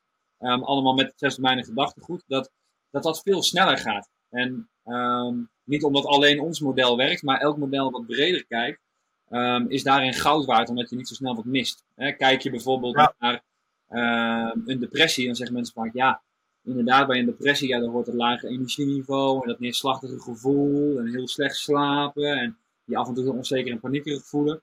En dat klopt, en ik heb het nooit ervaren, dus ik zal niet zeggen dat ik weet hoe dat is. Maar heel vaak, als mensen toch in die depressie openstaan voor wat extra adviezen, zie je binnen een maand of binnen twee maanden een enorme progressie doordat ze inderdaad hè, wat doen met ademhaling, hun voeding aanpassen. Dus zit daar een enorm uh, fysiek staartje aan dat psycho-emotionele probleem. En dat vind ik interessant om, uh, om te belichten, omdat sommige mensen dus, nou ja, met bijvoorbeeld voor uh, een, een, depressie die voor 80% fysiek is, hè, soms dan gebeurt dat, bij een psycholoog terechtkomen en het alleen maar over die 20% psycho-emotioneel hebben en zeggen, ja, ik kom niet verder. Terwijl op het moment dat ze dan die 80% opgelost zien, ze denken, nou, dat laatste stukje, dat knikker ik ook wel weg. Hè? Ja. Um, en laten we wel wezen, dit kan ook heel goed andersom zijn, hè, dat 80% de psycho-emotionele kant is en dat die overige 20% uh, meer fysiek is. Uh, maar dat, dat vind ik echt de gemiste kans. Maar het grootste voorbeeld wel uh, de burn-out is. De burn-out is echt zoiets wat we nu heel psycho-emotioneel labelen en ook een officiële aandoening gaan maken.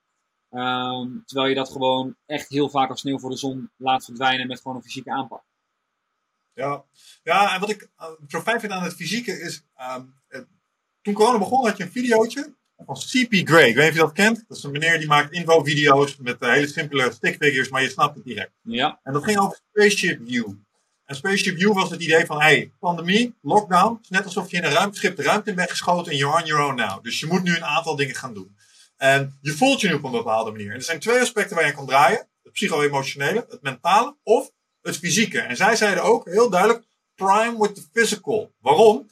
Dat is het allermakkelijkst. Want als jij je kut voelt, kan je een yoga pose doen. Dat kan binnen een minuut. Snap je? Je kan binnen een minuut yoga aan het doen zijn en dat gaat dan een effect hebben op wat je doet. Daar kun je wat makkelijker grip op krijgen.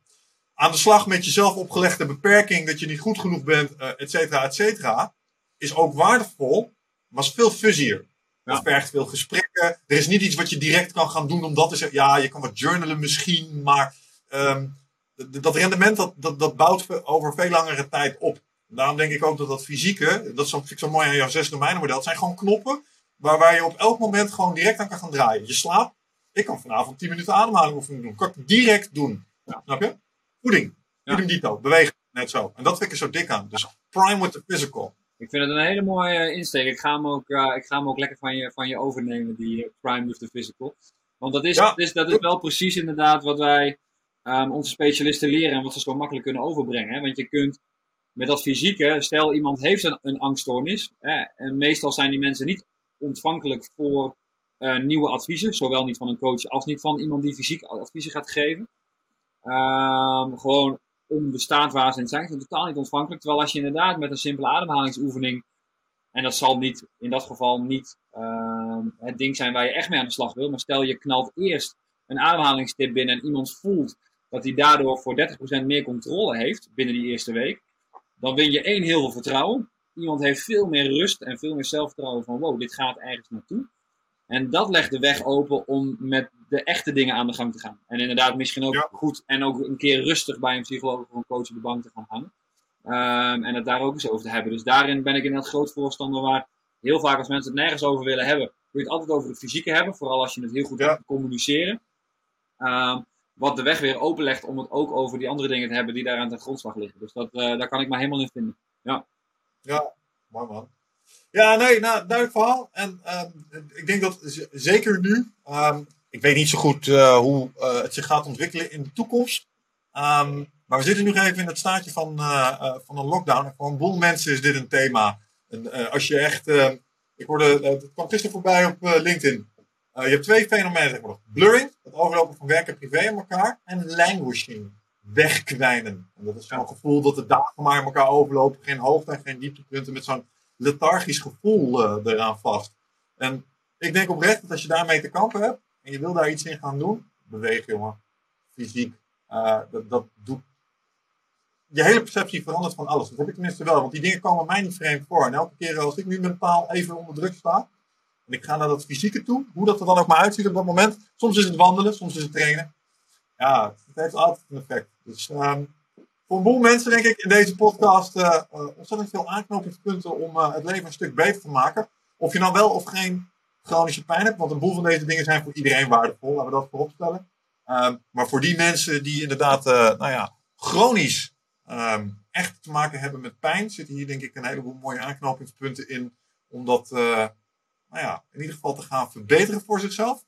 Timo, um, daarmee wat mij betreft, weet je aan het eind van de podcast, ik had nog één vraag voor jou. Komt natuurlijk omdat ik zelf ook een boekje heb geschreven. Misschien wist je het nog niet, eindbaasfans, maar mijn boekje uh, Get Your Shit Together staat bij bol.com. Pre-sales begonnen. Dus als je dat tof vindt, dan uh, kun je daar uh, jouw versie van het boek bestellen. Maar toen wij het daarover hadden, Timo, toen liet jij iets vallen van, nou, jij hebt het al druk, ik moet nog beginnen. Dus ehm, ik vroeg me af, zijn er ambities om dit gedachtegoed misschien ooit eens op papier te gaan zetten, jongen?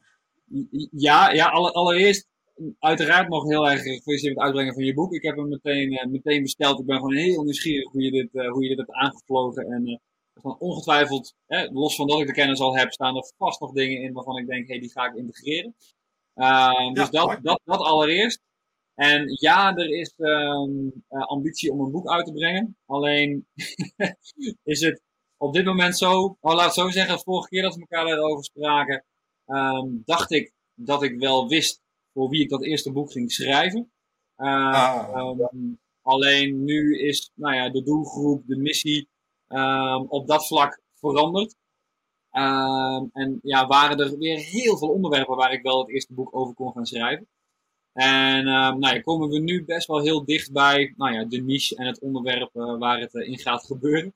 En dan ja, gaat het ook echt gebeuren. En ik ben ook echt nu de tijd aan het vrijmaken dat het ook kan. Dus er is ook iemand nu extra werkzaam uh, voor het bedrijf, die dus ook echt dingen uit handen gaat nemen. Waardoor die tijd echt, echt, beschikbaar uh, uh, komt. Want, en een kleintje, huis, alles goed en wel. Maar mijn, mijn prioriteit ligt daarin echt lang niet altijd bij werk. Dus ik vind die andere aspecten minstens net zo belangrijk. Dus nu, ja. er, er wordt nu echt een omgeving gecreëerd waar het echt in gaat kunnen. En um, ja, dan verwacht ik realistisch gezien dat 2022 wel het jaar wordt waar dat boek bijna af is. Nou, te, gek. Ik hoop niet dat het zo lang duurt voordat ik jou weer spreek. Maar tegen de tijd dat het af is, uh, ben je wat mij betreft van harte welkom om daar eens wat meer over te komen vertellen. Uh, ik denk dat dat echt uh, super waardevol is. Als ik kijk naar het effect wat de interventies die je volgens nog mij cadeau hebt gegaan, gedaan destijds me hebben gebracht. ja, ik kan het iedereen aanbevelen. Vasten, dit ademhalen gaat ongetwijfeld evenveel doen. Er zijn meer dingen die je me geleerd hebt die gewoon in 12 heeft zitten. Dus je hebt over Get Shit Together boek. Je staat erin. En dat is niet zomaar, want mensen, deze shit, ja, het doet gewoon echt iets. Mijn doel was met mijn boek om mensen in staat te stellen om meer voor elkaar te krijgen. En dan hoort dit stukje hoort daar echt ontzettend bij. Of het nou chronische pijn is of niet, maar aandacht daarvoor, dat, doe je echt, uh, dat doe je echt goed, Timo. Dus uh, daar mag je trots op zijn wat mij betreft. Dankjewel, ik vind het een heel mooi compliment. Dus uh, heel erg bedankt. En ja, andersom dus inderdaad net zo kan ik het compliment teruggeven. Ehm, veel van de dingen die vier, vijf jaar geleden ehm, door, door jouw methodiek genoemd zijn, uh, doe ik nog steeds. En dat is wellicht nou ja, het beste compliment, want het is voor mij heel waardevol. Dus uh, ja. wat dat betreft ook zeker, uh, zeker een dikke aanrader om nou ja, in, in, in, moet het zeggen, in contact te komen met het gedachtegoed. En volgens mij, als ik jou ken, staat daar heel veel van in, in je boek. dat was wel het idee in ieder geval. Oké, nou zijn we klaar met lief zijn voor elkaar. denk ik dat we er strik omheen gaan doen voor vandaag. Eindbaasfans, bedankt voor het luisteren. Uh, mensen die in contact willen komen met uh, Timo, uh, waar kunnen ze jou vinden? zij kunnen in contact komen via www.visus.academy. Niks daar meer achter. Okay. Dus visus.academy is de site. Um, YouTube kanaal Visus Academy, Instagram, Facebook. Um, dus genoeg manieren om met ons in contact te komen. En op het moment dat deze podcast uit is, is daar ook um, een landkaart met Visus specialisten, want die is bijna live. Uh, waar je dus ook als je denkt, hey, ik wil echt geholpen worden met gedachtegoed. Zelf behandel ik niet één op één mensen. Maar de mensen die bij ons de hele jaaropleiding hebben gedaan, staan op die site. Uh, mooi overzichtelijk en uh, kun je kijken of, uh, of daar iemand voor je bij zit die jou verder kan helpen. Dus dat is wel zo praktisch. En te gek. Nou, mensen, jullie weten wat je te doen staat. Go check it out. En dan zie ik jullie de volgende aflevering weer terug. Luisteraars, bedankt voor het luisteren. Timo, bedankt dat je er weer was. En tot de volgende keer allemaal. Ciao.